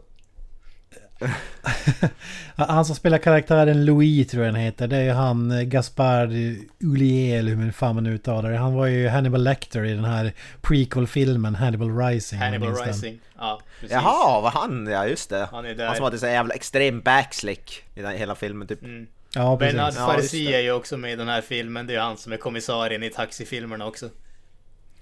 Och så har du ju hon som är med i Matrix-filmerna där. eh, Det är Monica Bellucci som vi pratade om alldeles är det Monica Bellucci? Ja, Okej. ja. Ja, 203 ja, precis. Ah, precis. okej. Yes, yes, Fantastiskt. yes. Ja, fan, jag är Mycket sidospår här, men vi kör vidare. Mycket sidospår. Precis. Eh, Gregoire var en huvudperson. Han ska ju då givetvis eh, bege sig tillbaka till Paris eftersom uppdraget är avslutat. Men han vill ju se eh, Eh, kärleksintresset innan han gör det. Men hon vill inte ha någonting med honom att göra längre eftersom hon har sett den här teckningen som han gjorde av den eh, prostituerade kvinnan. Så att de liksom slutar på dåliga eh, termer och så sticker de tillbaka till Paris helt enkelt. Och väl i Paris så visar jägaren upp det här odjuret inför kungen. Och Gregoire protesterar och han blir då introducerad till en av kungens specialrådgivare kan man säga. Han ger honom en eh, bok, en liten röd bok som innehåller en fabel som underminerar kungen, som de säger. Och säger att, eh, vad heter rådgivaren här, säger att man måste regera med enkelhet. Alltså, det, det viktiga det är att uh, göra folk till lags. Vad, vad, som sanningen egentligen är, är mindre viktigt. Folket tror, de har sagt att odjuret är dödat. Och de, folket tror att det är dödat. Om sen odjuret fortsätter att döda det är egentligen oväsentligt. För ingen kommer ja, att få reda på det. För nu är liksom monstret är dött i det folkliga medvetandet om man säger så. Det är som med mån, månlandningen. Alla vet ju att den är fake men folk gillar att tro på den ändå. Det är ja, tid, tidiga fake news här. Trump eh, Ja, exakt. precis. Ja, ja, men fransmännen var ute i god tid så att säga. De har legat i bräschen för det mesta. ja, ja. Underbart. Ja men gillar ju när han sätter ihop den där jävla eh, uppstoppade bävern eller på att säga men vargen alltså. han väljer typ så 15 olika ögon som han stoppar dit och typ så här, fyller dem med massa skit och... Ja. ja. Jag tycker om också att liksom när, man, när vi väl får se den där uppstoppade saken så ser den ju inte ut för fem år som den såg ut innan. Man har gjort ett bra jobb. Alltså den är typ gigantisk, den är typ fyra gånger större än den var från början. Den är typ ja. röd och svart istället för typ eh, grå och vit. Och det, alltså det är Nej, plastik. Det är också tidigt så plastikoperation. det, var tidigt men det är också. Så här alltså. filmlogik. Ja. Vi stoppar den full med hö, då blir den tio gånger så stor. Det är typ... Ja. Ja, Vi får ju även lite så här incest-vibbar där äh, när... Äh, alltså The One-Armed Man och hans syster. Han verkar ju vara jävligt ja. äh, intresserad ja. av henne. Ja som sagt, alltså, han, han, är ju lite sådär uh, li, lite väl överbeskyddande och lite väl intresserad av hennes uh, försighavanden om man säger så. Kan man ju minst sagt säga. Han är ju för fan, han är, får ge off en väldigt såhär rapey vibe den där brorsan alltså. Fy fan. Alltså, verkligen såhär creepy, slimy, alltså fy fan. Han ser ut som en sån där som står vid ett sånt gathörn med såhär trenchcoat och vill vad heter det, sälja på dig massa skumma grejer typ. Och, och han hade kunnat bo på Bergnäset med andra. Ja, jo precis. Han, är, han, han påminner mig om Bengt som... Han påminner mig om Bengt som står runt, runt hörnet lite grann. Mina grejer. Lite samma vibe. Underbart. Absolut, absolut. Mm. Efter att eh, vi har fått veta det här då, efter att han har fått reda på den här boken och allt det här, så får han ju som belöning erbjuden att få, få resa till, eh, till Afrika om sex månader ifall han är intresserad. Och givetvis så får vi ju här vårt nästa tidshopp. Vi hoppar till ja, sex månader framåt. Och eh, vår huvudperson och Mani håller på att förbereda sig för att resa till, eh, till vad heter det, till Afrika helt enkelt. Våran eh, marki kommer till dem i Paris och eh, berättar att odjuret har fortsatt. Det börjar nästan med en gång efter att de stack därifrån. Men nu får de ingen hjälp. Kungen sänder inga mer män så han ber dem att eh, återvända. Gregoire säger ju givetvis nej, det är liksom over and done with så att säga. Men han blir eh, mutad med ett litet brev från Marianne och då givetvis så ändras takten om vi säger så. Då är det ingenting som kan stoppa honom från att sticka tillbaka. Och eh, de eh, åker tillbaka. Vi får en sån här trevlig eh, hästscen igen när de återvänder. Och vad, vad jag förstår, jag ska inte svära på att det är så här, men så som från det jag har läst så är det här som filmen, om man säger egentligen, bryter med verkligheten. Fram till, fram till det här så att säga, fram till att den här jägaren dödade vargen och visade upp det för kungen och hela den biten. Så är det typiskt som det var i verkligheten, om man säger så. Det var, det var typ där som historien slutade, alltså de tolkade att den här djuret som dödades, det var det verkliga odjuret. Och nu den här fortsättningen som vi får, det är liksom filmens eget påhitt. Om man säger så. Eh, han, de sticker till ett litet eh, härberge, eller vad man ska kalla det. Där några tjänare till kärleksintresset eh, bor. Och där är ju Marianne och precis som de får sin... Eh, precis som de är about to get some loving on så attackeras de av eh, odjuret. Och herren i huset eh, dödas. Och eh, djuret tar sig in i huset och börjar liksom rasera allting medan våran huvudperson då försöker att eh, helt enkelt eh, arbeta bort eller attackera det tillbaka och få liksom få Marianne i säkerhet. Odjuret ger sig efter henne men precis när den ska attackera så stannar den i sista sekund om man säger så. Och sen så flyr djuret tillbaka till, till sin mästare, den här snubben i den konstiga ansiktsmasken, Slipknot-masken. Ja, det, det, var ju här filmen dog för mig. Alltså, den, den återupplivades typ en kvart senare men Alltså jävlar vilken Playstation 1-grafik vi får här alltså när odjuret eh, går loss. Satan i gatan. Ja, alltså det, det här är... Eh, jag skulle nog säga att det här det är den här scenen där eh, som ser sämst ut i hela filmen faktiskt. Och det, här gjorde de ju, som du sa tidigare, här gjorde de ju misstaget att visa monstret liksom hur mycket som helst. De, de eh, det de skulle ha gjort är ju att gömma det. De skulle ha haft en scen som var riktigt mörk så att man liksom såg väldigt lite eller typ bara siluetter eller någonting sånt där. Men de gjorde ju helt tvärtom. De hade ju liksom full belysning. Man ser hur, eh, hur taskigt monstret ser ut. Det är, det är liksom några små klipp där, där man ser att det är en eh, riktig docka, vad ska kalla det. det. Det ser mm. liksom helt okej okay ut, men mm. alla bitarna där man ser hela monstret och ser liksom datanimationerna, det, det är ju ja, i stort sett katastrofalt dåligt i, med alltså, dagens mått. Det, det fattar jag inte varför man inte gjorde, för de scenerna som du säger, några sådana närbild och så, då var det nog praktiskt. Ba, bara använt sig av sådana scener, man får se den lite grann och så har man bara praktiskt. Allt det andra när den springer omkring och hoppar och ska vara se coolt ut. Ta, ta bort dem. Alltså, det, för annars såg det ja, typ för det, det, här känns som något straight out av en U-bollfilm. Alltså det, det, känns så jävla... Ja. Ah, det, det, är så bedrövligt. Alltså det här gör mig om man är så supernöjd med animeringen eller specialeffekterna och tycker att här, mm. vi måste visa upp det liksom. Jag, jag, tycker inte ens som att vi får se... Alltså jag hade inte ens velat se det här jävla odjuret. Alltså då hade, som i Sherlock Holmes till exempel, börjat få se skuggan av någonting och så vet vi inte riktigt att vi är osäkra på om det är ett odjur eller inte. Men nu får vi se All Its mm. Glory och det ser ut som en jävla blandning av ett en varg, ett piggsvin med en järnmask och typ ja. och så som sagt Playstation 1 grafik i bästa fall.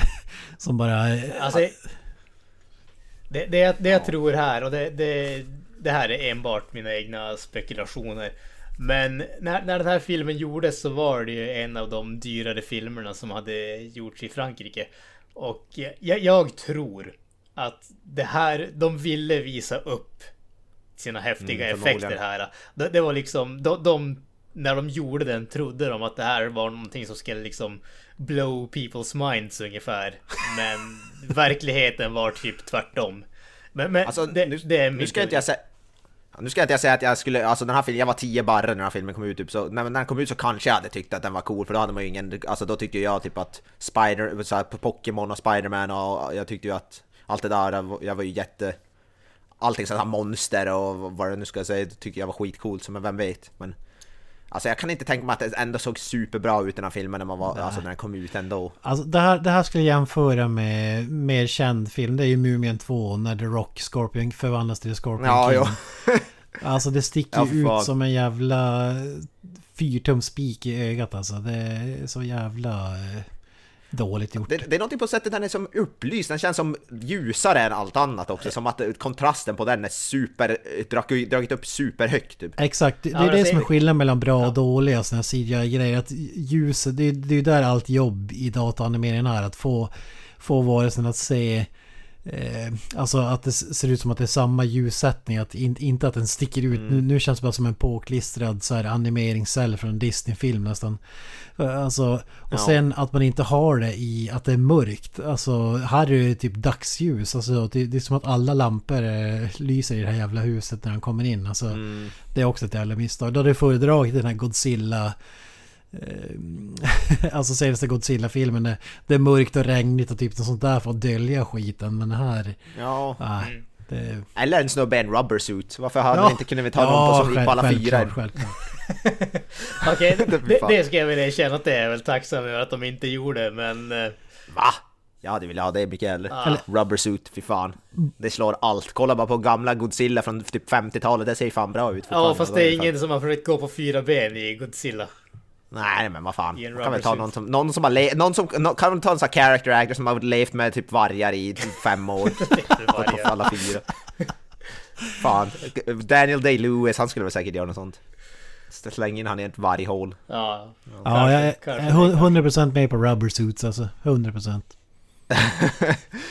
Ja, fan. Men sen vet jag inte om jag gillar designen på själva monstret, även om det hade varit bra. Jag tycker den bara ser konstig ut. Som det är så här vildsvin har parat sig med en varg. Typ. Alltså, bara märkligt. Ja, det är Ja, fel, alltså, det är fel hela ser ju vägen. Väldigt, det, det ser Ja. ju vä- väldigt eh, konstigt ut. Jag tror, jag tror att det hade sett betydligt bättre ut om vi inte hade haft de där långa spikesen, eller vad jag ska kalla det, som den har på ryggen.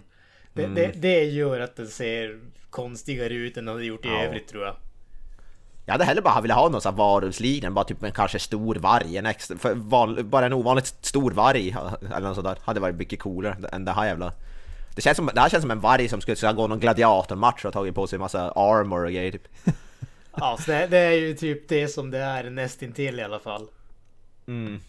Precis, och det, det är bara märkligt. Jag vet inte hur, hur de kom fram till det där när de satt i designrum och stoppade upp massa grejer på whiteboardtavlan. Den Alltså, påminner, ja, det där den påminner lite om den här sci-fi-filmen som vi pratar om. Netflix-filmen där en björn blir halvt eh, zombifierad. Eh, vad fan heter den? Annihilation.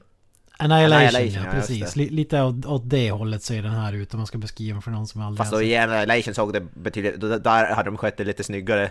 Ja, det, det är väldigt mörkt där, men sen så är det ju 20 år senare i datautveckling också. Så, att, Ja, jo, jo. så är det ju. Men, men de gjorde ju absolut rätt i den filmen att de visade inte så, så mycket. Sen kan man ju säga, även om det inte vad heter det, är egentligen jätterelevant i den här filmen, men antydan här är ju att det vad heter det, monstret är ju ett lejon. Det, det sägs aldrig rakt ut, men det är det som är liksom antydan om man säger så. Ja. Ja, jag, jag, jag, fick, jag fick för mig att de antydde att det bara var en jävligt stor varg. Det där med lejon fattade inte jag. Alltså, om jag, ja, jag, kan, jag kan ta det senare när det kommer till slutet. Ja, ja. Men, men eh, Ja, jag har, jag har samma Det- det är- tolkning som Granström i alla fall. Men. ja, Aha, precis. Okej. Eh, är bara jag som är dum. Men vad heter det? Efter det här så givetvis så sätter de ju av eh, på jakt efter, eh, efter det här eh, monstret då. Och eh, Mani när de har tagit sig ut i skogen säger att eh, odjuret är där och vargarna kommer att eh, hjälpa dem hitta dem. Eh, hitta odjuret helt enkelt. Och vi får den här scenen där han än en gång är lite pusher så att säga. Gör eh, vår marki lite hög eller någonting sånt. Får i han lite svamp och han börjar... Jajamän. Ja. Börjar se lite krokigt om vi säger så. Fear and loathing in the Brotherhood of Wolves. Det är fan... Fear and loathing in eh, southern France in the 17th, eh, Ja. 18th century. Fan, den filmen hade jag hellre velat se. Alltså, såhär drugfest. Fan, fast i, nu när du i säger att vi klankar på- ner på dataanimering. Det är förmodligen för att det ska vara tidsenligt. Det ska vara dataanimation från 1700-talet. Det är ju därför han ser ut så. Ja, ja precis. Ja, då hade den jävla varit imponerande. Satan alltså. Fy fan. Ja, fy fasiken. Här, här får vi efter att vi har fått den här eh, underbara scenen där han är hög så får vi ju nästan för mig filmens höjdpunkt och det är ju man i, i krigsmålning. Det, det, jag vet inte, det, är- är bara någonting av honom som gör att det är så Ja, det är jävla badass. grymt. Ja. Han är, bra, han är ju bra på att kasta yxor. Man får ju se någon film när de står och skjuter på så här, vad heter det? Ja, pumpkins. nu kommer Ja, jag inte ens på vad det heter. Pumpor ja. Och så kastar han en yxa på en pumpa som typ exploderar i princip. Ja, alltså det, det, det är några exploderande pumpkins här. Det är liksom, Ja. de skjuter med pistol och så exploderar de skjuter med ett armborst och så exploderar och så man tar en yxa och bara kastar den där exploderande pumpan. Ja, då, alltså det, det är så lite Rennie Harlin, Michael Bay-stil. Jag tänkte just säga det. Rennie Harlan, Elm Street eh, 4. Det är fan... Ja, exakt. det kanske är nå- någonting där bara, it's, it's got to explode. Men alltså, äh, det är här när han, med kroppsmålen här, det är då jag får de här Predator-vibbarna för att Ja. Eh, Det, det finns ju en karaktär som också ska ha liknande ursprung som Manny här och som liksom krigsmålar sig. Och de gör ju Predator-fällor. De ska ju försöka fånga det här monstret. Och jag vet inte hur fan de tänker när de gör så här bambuträ ska liksom fånga in det här jävla fick monstret. bambu från egentligen. Ja. Jag får även lite Rambo-vibbar, i alla fall i en scen, i en scen heter senare i filmen. Det är lite Rambo Predator-stuk. Ja, men jag, jag gillar den här Predator-scenen för att alltså det är samma, precis samma fällor som i Predator i princip. Det är en sån här en stock med spikar och du har liksom ja men burar och typ han, han snurrar runt och hugger, hugger någon lianaktig grej som liksom och så faller fällorna ner. Och så är det så jävla kul när eh, han lyckas skada det här djuret och det springer iväg. Det krossar ju de jävla bambuburarna utan problem förstås. Mm. Jag vet, eh, och, så, och så är det en blodfläck på, på marken och så böjer sig Marta Kaskos ner och liksom smetar ut handen. Och jag, jag var så jävla säker på att han skulle säga If it bleeds, we can kill it. Ja, vad kung det hade varit om man gjorde det, fast på franska då istället. Ja, att det, det måste ju vara en jävla hyllningsscen till Predator, hela den där grejen alltså. Ja, ja. Ja, alltså jag, jag, jag tolkar det absolut så. Det, det är ju... Jag hade ju fa- fan hellre sett Arnold i rollen som Mani där. Nej, det hade ju mycket bättre. Ja, Ja, ja, ja. ja, ja. Fan vad Ja, ja, ja. Nej, 100%. nej, nej, nej. Fan vad kung.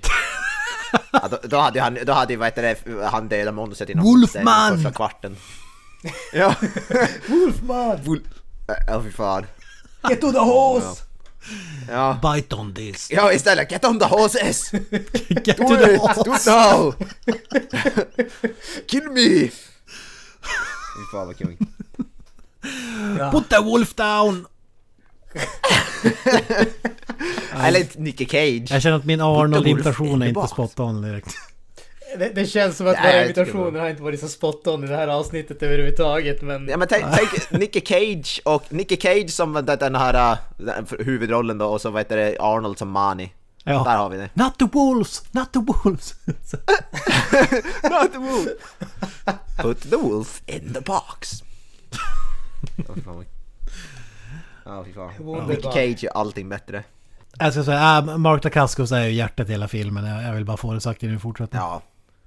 Absolut, Ja, han är jag, badass. jag, jag håller med. Han, är ju helt eh, underbar här tycker jag. Han, man kan ju dock räkna upp alla hans repliker på en hand, han säger ju typ ingenting men... Ja, som sagt, han har ju kan ju två, vara för tre att- totalt. Ja exakt. Han har att han- precis så mycket som han behövde. Ja. Ja, det funkar ju helt... Alltså, det fun- hade man... Man hade inte velat höra honom på... Det är tur man inte kan franska för att man- det hade låtit ju förmodligen för jävligt när han klämmer ur sig. För det ska man ju komma ihåg, det är inte på engelska, det är på franska. Så jag kan ju Man vet ju hur det låter när folk ska prata svenska i filmer, typ amerikaner och så vidare. Det låter ju för jävligt. Eh, som sagt, Mani följer efter djuret, han hittar det där blodspåret och det leder honom till en eh, katakomb, vad man ska kalla det. Jag vet inte varför man har det typ mitt ute i ingenstans egentligen, men tydligen. Eh, och han upptäcker lite hund, hundburar med hundar och sånt där och så hör han odjuret eh, andas. Men innan han eh, hinner ta sig därifrån så blir han ju attackerad av eh, de här zigenarsnubbarna som han fightades med innan jakten tidigare i filmen. Men här har ju typ alla de där Wolverine-klorna och så får vi ju Mark Dacascos eh, sista, men enligt mig grymmaste eh, actionscen i den här filmen. Den är Ja. lite kortare än de andra, men jag tycker koreografin här är grym, tycker jag. Det, det, det är någonting speciellt när folk har vapen, tycker jag. Alltså inte skjutvapen, men typ knivar och sånt. Jag vet inte, det, det gör någonting med mig som bara får mig att känna att alltså, det här är så jävla häftigt. Ja han slåss med en satt typ tomahawk eller vad det ska Mm. kallas typ. Ja. Ja, Precis. för mig är Ja, det är här fan. bästa serien i filmen i alla fall. Ja. Ja, Ja det är en badass som van. ja alltså jag, jag, jag håller med. Det, det här för mig är ju liksom höjdpunkten. Det, jag tycker den är så jävla snygg den här scenen alltså. Och sen slåss sig bara ett höftskynke typ. Ja, Ja, Det är det precis. som också. Det är ju synd att vi inte får se lite, alltså vi får även... Vi skulle ha fått kasta in den i Viggo Mortensen-skalan, men vi får Ja, inte den exakt. lyxen alltså. Nej, jag var fan besviken. Vart hamnar Mark Dacascos bredvid Viggo Mortensen? Och så Harvey Keitel i Bell Lieutenant. Vi vill se den typen av grejer. Ja. Vad var roligt att det, helt, man kom fram och så, jag bara hängde där medan han slogs där, det var det bästa. Äh, Precis, jä, jä, jävligt äh, mäktig scen tycker jag. Och bl blodig, det gillar vi. Halshugger folk till höger och vänster. Det är väl någon jävel som har en jävla... av en hand. Hugger av en hand. Ja, just det. Och kastar. Och tar den här Wolverine-klon som sitter på och kastar och spettar en annan snubbe i hjärtat med den. Medan klon sitter fast i handen. Visst är det så? Använder som hela Ja, pitchfork. Ja. Alltså det, det är ja, det, Den är så underbar den här scenen. Det är... Ja, Det, det är väl en fan. Det- skruvad grej också. En snubbe som har ett svärd som kan förlängas som ett jävla rep. Eller... nej, det, det är ju slutfighten. Det är sista Är scenen. det slut? Ja, okej. Sista fight scenen. Det är slutfighten. Det är sista bossen så att säga. Precis, men däremot så avslutas ju den här fighten på samma sätt som eh, den tidigare fighten fast det, den här gången så är det Mark Dacascos som blir eh, skjuten i ryggen. Och eh, hans kropp blir liksom dumpad i en glänta eller någonting sånt där. Och här dog och filmen igen. eh, Gregor vår huvudperson, han hittar ju kroppen och liksom obducerar den och håller på. Och då hittar han eh, i det här kulhålet så hittar han en sån där silverkula som ju då var eh, brorsans signatur. Sen så här har vi en till grej som inte är så att säga helt logisk för mig i alla fall. Han har en karta där det är en massa saker som är eh, utmärkta och liksom i mitten av det. Han vill veta vad där, där här, alla de här linjerna liksom korsas. Vad är det som finns där? Men vi får aldrig riktigt veta vad det är de här röda utmärkningarna egentligen betyder. Ja, jag vet, fattar inte heller. Är det så att typ ställen där lik har hittats på eller vad, någonting? Jag Nej. vet inte. det känns som att bara får någonting är bortklippt där som skulle ha funnits med. Typ. Mm. Antingen är det bortklippt eller så visste de inte riktigt vad de skulle göra så behövde de bara en ursäkt för att ta liksom karaktären till punkt B om man säger så. Ja. Äh, här tro, här Jag trodde ju den. jag att den här snubben skulle trycka i massa LSD i Mark Dacascos kropp och han skulle eh, komma till liv igen. Men det händer ju inte utan han är, han är ju död. liksom. Nej, fan. Fan vad synd. Ja. Jä, jävligt det- dåligt beslut och nu är vi typ en och en halv timme in eller vad är vi? Vi har typ en Ja, timme typ kvar två- nästan av Två timmar nästan. Ja, en timme. Ja, det är, Ja, det är en lång timme tid kvar kvar. kan jag ändå säga. Det, det är en bra, bra bit kvar faktiskt. Ja, och Mark Dacascos dör alldeles för tidigt i alla fall. Men jag, jag kan, jag kan tänka mig här att det här var ett beslut för att Alltså huvudrollsinnehavaren han är så jävla blek fram tills nu. Han är ju ingenting. Marta Kaskos är ju stjärnan och Alltså kan ju som inte ha huvudrollsinnehavaren kan ju inte vara Blaha och hans liksom sidekick. Det, det är ju som att Robin skulle vara den coolaste av Batman och Robin. Alltså det funkar ju inte. Ja. Så jag kan tänka mig att de, de släcker honom för att helt plötsligt förvandlas ju den här jäveln till Rambo. Ja, han blir ju sjukt badass. Ja, Ja Alltså- precis. Vi, vi, får, vi får ju till och med eh, ansiktsmålning. Ja, Ja, exakt. alltså han har ju varit den här typ, om man säger Sleepy Hollow, li, lite... mm, Vad fan heter han? Johnny Cage eller på att säga. Johnny Depp-karaktären. Johnny Depp. Johnny Cage. den där, me, Johnny den där mesiga intellektuella snubben som är lite skakig. Ja, och nu, hey, nu har jag jävlat Rambo 4 hämtat därifrån liksom. Ja. Ja, det, var, det var det jag sa. Det var det jag sa med det här Rambo, han blir ju Rambo, det är ju massa scener när han går och skjuter pilbågar och typ eh, så kryper runt och målar sig och vad fan. Ja, Ja, och jag, alltså, jag tänker bara, alltså, vad fan han- har du han inte gjort det här tidigare för? Då hade ju allt varit löst. Fan. Skit i böckerna och Ja. obduktionerna och knarket och eh, kötta på liksom.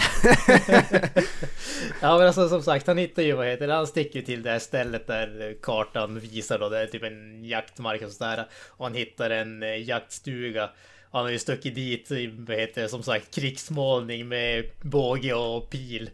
Och så hittar han de där snubbarna som eh, signerarna som attackerade och dödade Manny. Han ger ju på sig dem eh, ensam. Han liksom skjuter pilbågar i stallet som brinner och vad heter det, tänder eld på allting så de liksom sticker ut och så plockar han av dem en efter en där och sen beger han sig in i huset och så får vi en eh, förvånansvärt bra kampsportscen eller fightscen. Det, det är definitivt inte lika häftig koreografi och sådär som i Mark Dacascos filmer, inte ens i närheten.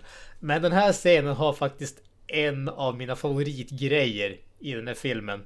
Och den han går in i liksom en trång korridor och det kommer en motståndare som han liksom Han tar tag i en, han slår huvudet i väggen på ena sidan Drar bak han, kastar huvudet i väggen på andra sidan Trycker han framåt igen, slår huvudet än en gång Liksom in i väggen på andra sidan och sen vänder han om han och kör in huvudet genom typ en dörr Och sen så han liksom går igenom dörren och sen gör han typ en hoppspark i snubbens rygg så han bara liksom flyger in i dörren.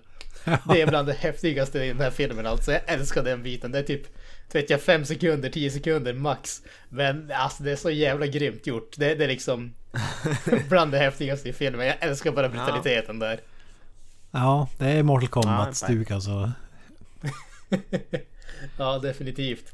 Eh, sen så i det här huset hittar han ju också ett eh, hemligt eller ett gömt rum om man säger så, så fyllt av diverse eh, okulta saker. Vi får en kort, kort blick på det här äh, svärdet som delar sig som vi får se mer av senare och så hittar han en trappa som leder ner i den här katakomben där äh, Mani blev, äh, blev dödad helt enkelt. Efter det här så ser vi att han bränner Manis kropp. Han liksom, ja, det, det är väl så indianerna gör antar jag. Och så kommer det några snubbar som arresterar han och kastar han i fängelse helt enkelt. Och här får vi om man säger eh, om man säger Sylvia, den här italienska prostituerade, kommer dit och de börjar snacka och här får vi om man säger egentligen förklaringen till eh, till hela filmen.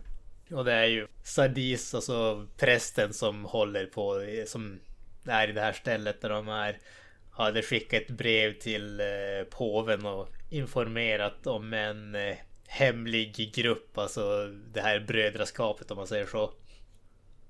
Som är dedikerat till att eh, sprida och skydda kyrkans ord.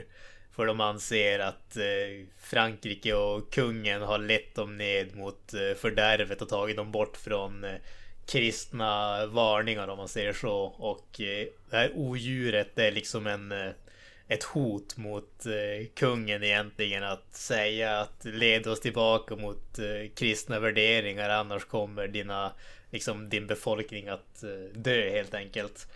Och eh, de, de liksom, ja det, det är krasst sett förklaringen till mysteriet om man ser så. Han börjar fundera på vem det är som hon egentligen eh, arbetar för vem hon är, var hon kommer ifrån. Hon säger att liksom, det är hennes jobb att ingen ska få veta det. Men implikationen är ju att det är Vatikanen, alltså vad heter det, påven som har skickat henne för att undersöka allting som händer. Och sen så Mm. dör han helt enkelt.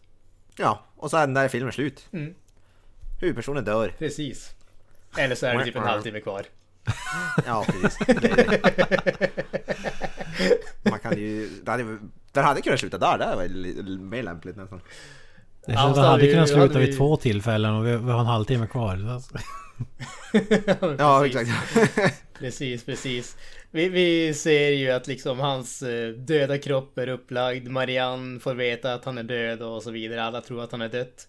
Och sen så ser vi att Sylvia och två medarbetare kommer till hans grav och gräver upp eh, kroppen här.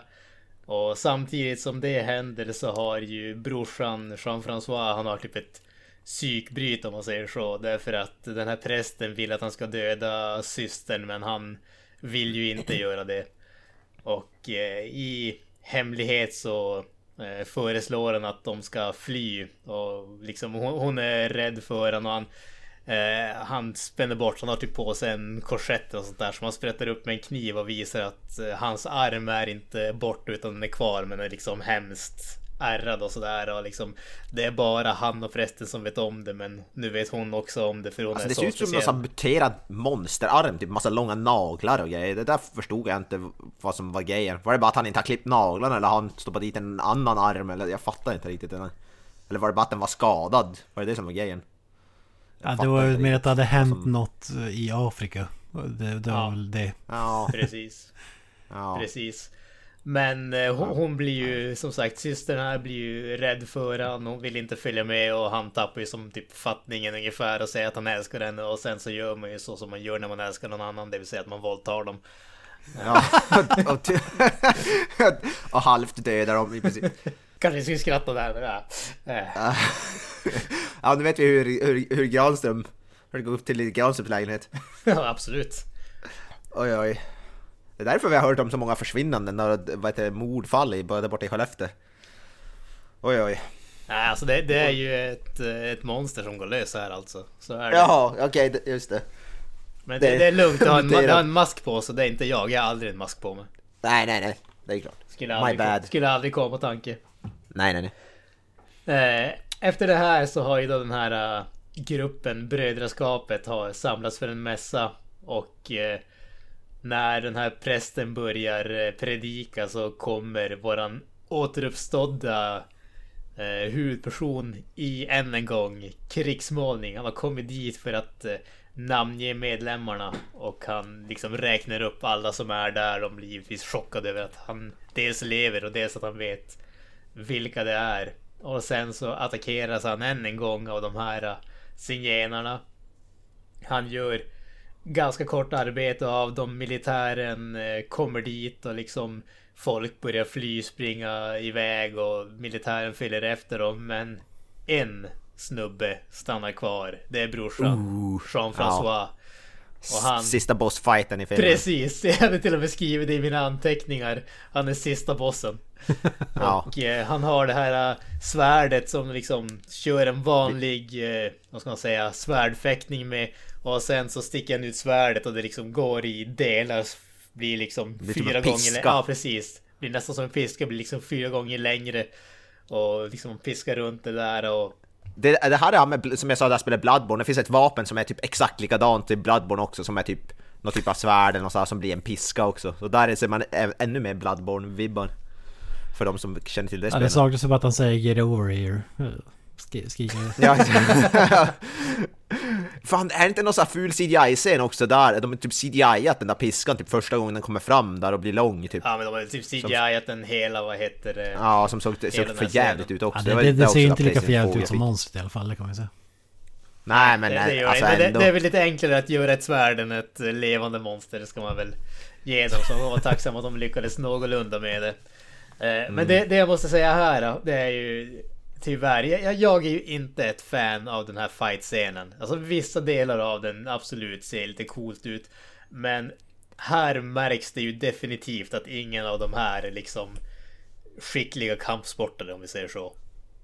Det, här här har du som sagt våran mellanmjölks huvudperson som gjorde riktigt bra ifrån sig i den förra kampsportscenen men då hade han liksom stuntsnubbar att arbeta med.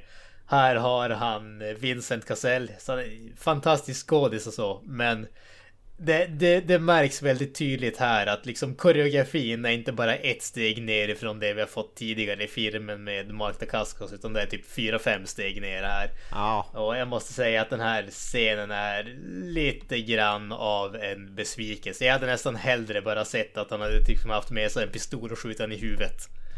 Det, det, eller bara haft Mark Dacascos slåss i fighten Ja, alltså jag känner det- mig blåst på konfekten för här jag ju gått och väntat fan i två och en halv fucking timme på att Mark Dacasco ska mörda den här enarmade mannen men eh, nej, vi- får inte det utan vi får den här eh, geeken istället som ska eh, bli Ja. ska... Jag ser fram emot att se när han typ Mark Dacascos är badass och tar den där piskan runt handleden och håller fast han typ och gör någonting coolt eller något, jag vet inte. mm, Någonting sånt där, men nej, det får vi inte.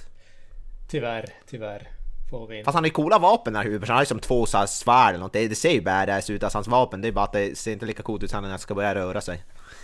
Alltså jag tycker huvudpersonens vapen tycker jag ändå funkar här och så när han liksom snurrar på dem och det där. Det, det, den biten tycker jag ändå funkar.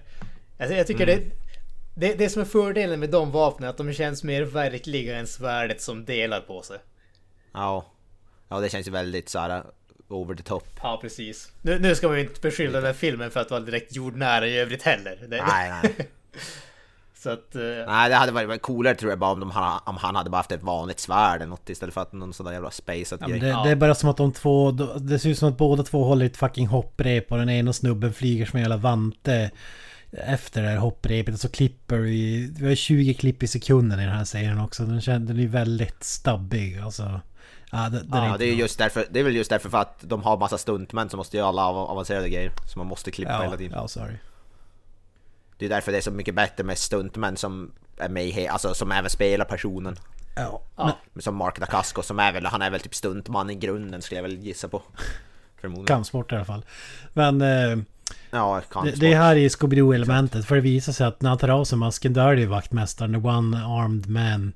Som Ja, exakt. blir besegrad och till Ja. sin hjälp har han ett monster. Ett, ett Ghost... Ghost Wolf eller vad man ska kalla det. Ja. Och vad- som sagt monstret, det är väl bara en, vad är det, kommer fram till, det är en vanlig varg med krigsrustning. som Ja sagt, men de berättade att de tog...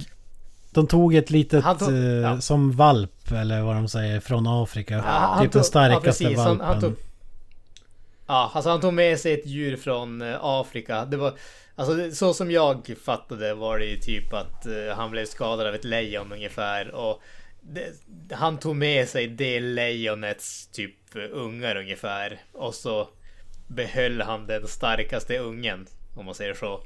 Eh, Men de, de säger det aldrig rätt ut, utan det, det är lite så här... eh, det antyds, om man säger så. Men, men jag tycker när man, när man ser, för jag kollade om bara några korta bitar på vad heter efter att jag hade sett den och liksom kom ihåg att så är det så här tolkningen.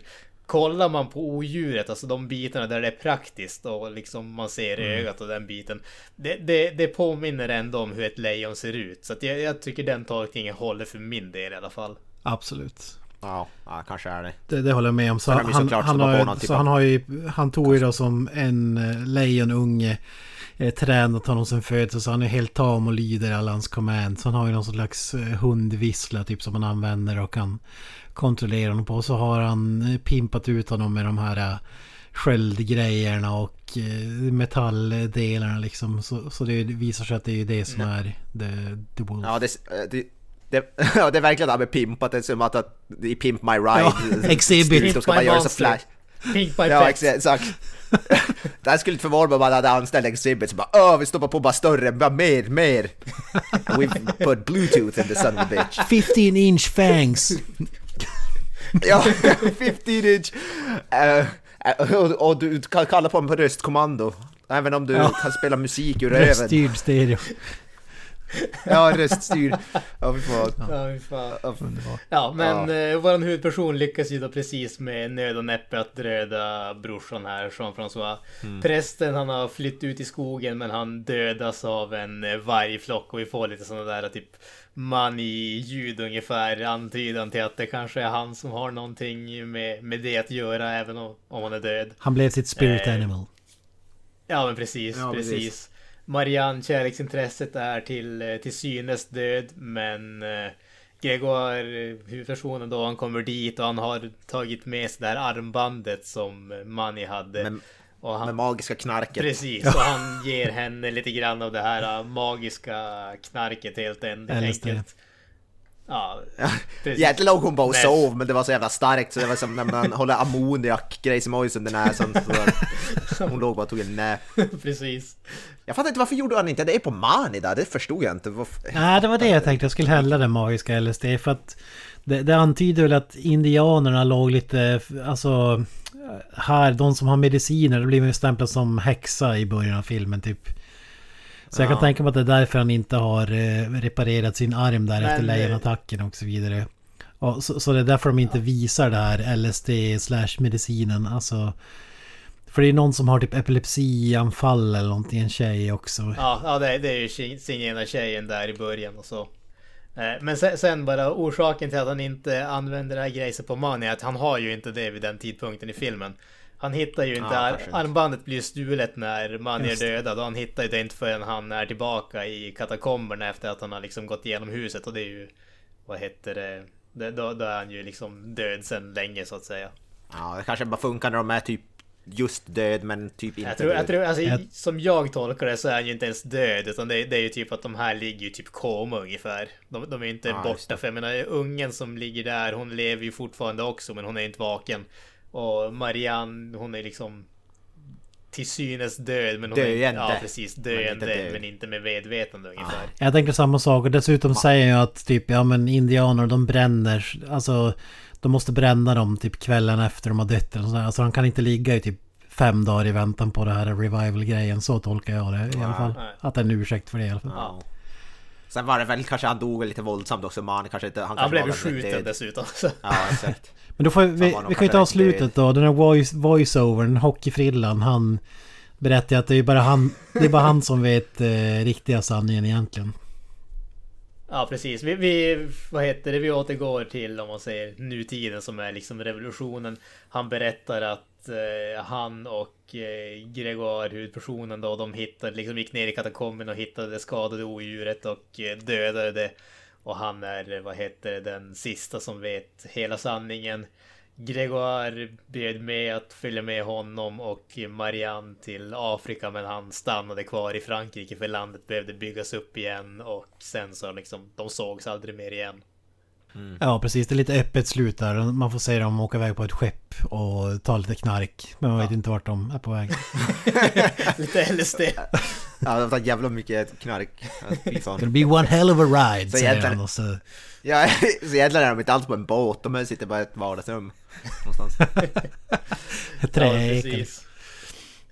Ja, We're gonna go on a hell of a trip. Och sen, on a boat? Sedan oh, no. så tar filmen slut helt enkelt. Jag ser framför mig som From Dusk Till Dawn. I'm going to Mexico. Och så bara I'm coming with you, no. I'm, I'm, an, I'm an asshole but I'm not a fucking asshole. Och så slutar filmen. uh, do you want some company? Oh no. Off you on. Underbart. Nej. Nej men eh, som sagt, eh, jag, jag, älskar den här filmen. Varmt, varmt rekommenderad från min del. Eh, ni Kent och eh, Avoya kanske inte riktigt lika entusiastiska över den men jag är definitivt ett, eh, ett stort, stort fan. Eh, och vill rekommendera den å det varmaste till eh, alla våra kära lyssnare. I vanlig ordning, tack för att ni har lyssnat på oss i Creative Meltdown Podcast. Ni hittar oss som vanligt på creativemeltdownpodcast.wordpress.com. Vi finns även på Facebook, Instagram med mera. Vi önskar er alla en bra helg, en bra vecka och vi ses i nästa avsnitt och med det säger jag Hail Satan! Uh, peace out, säger jag. Up the irons. That's it man. Game over man.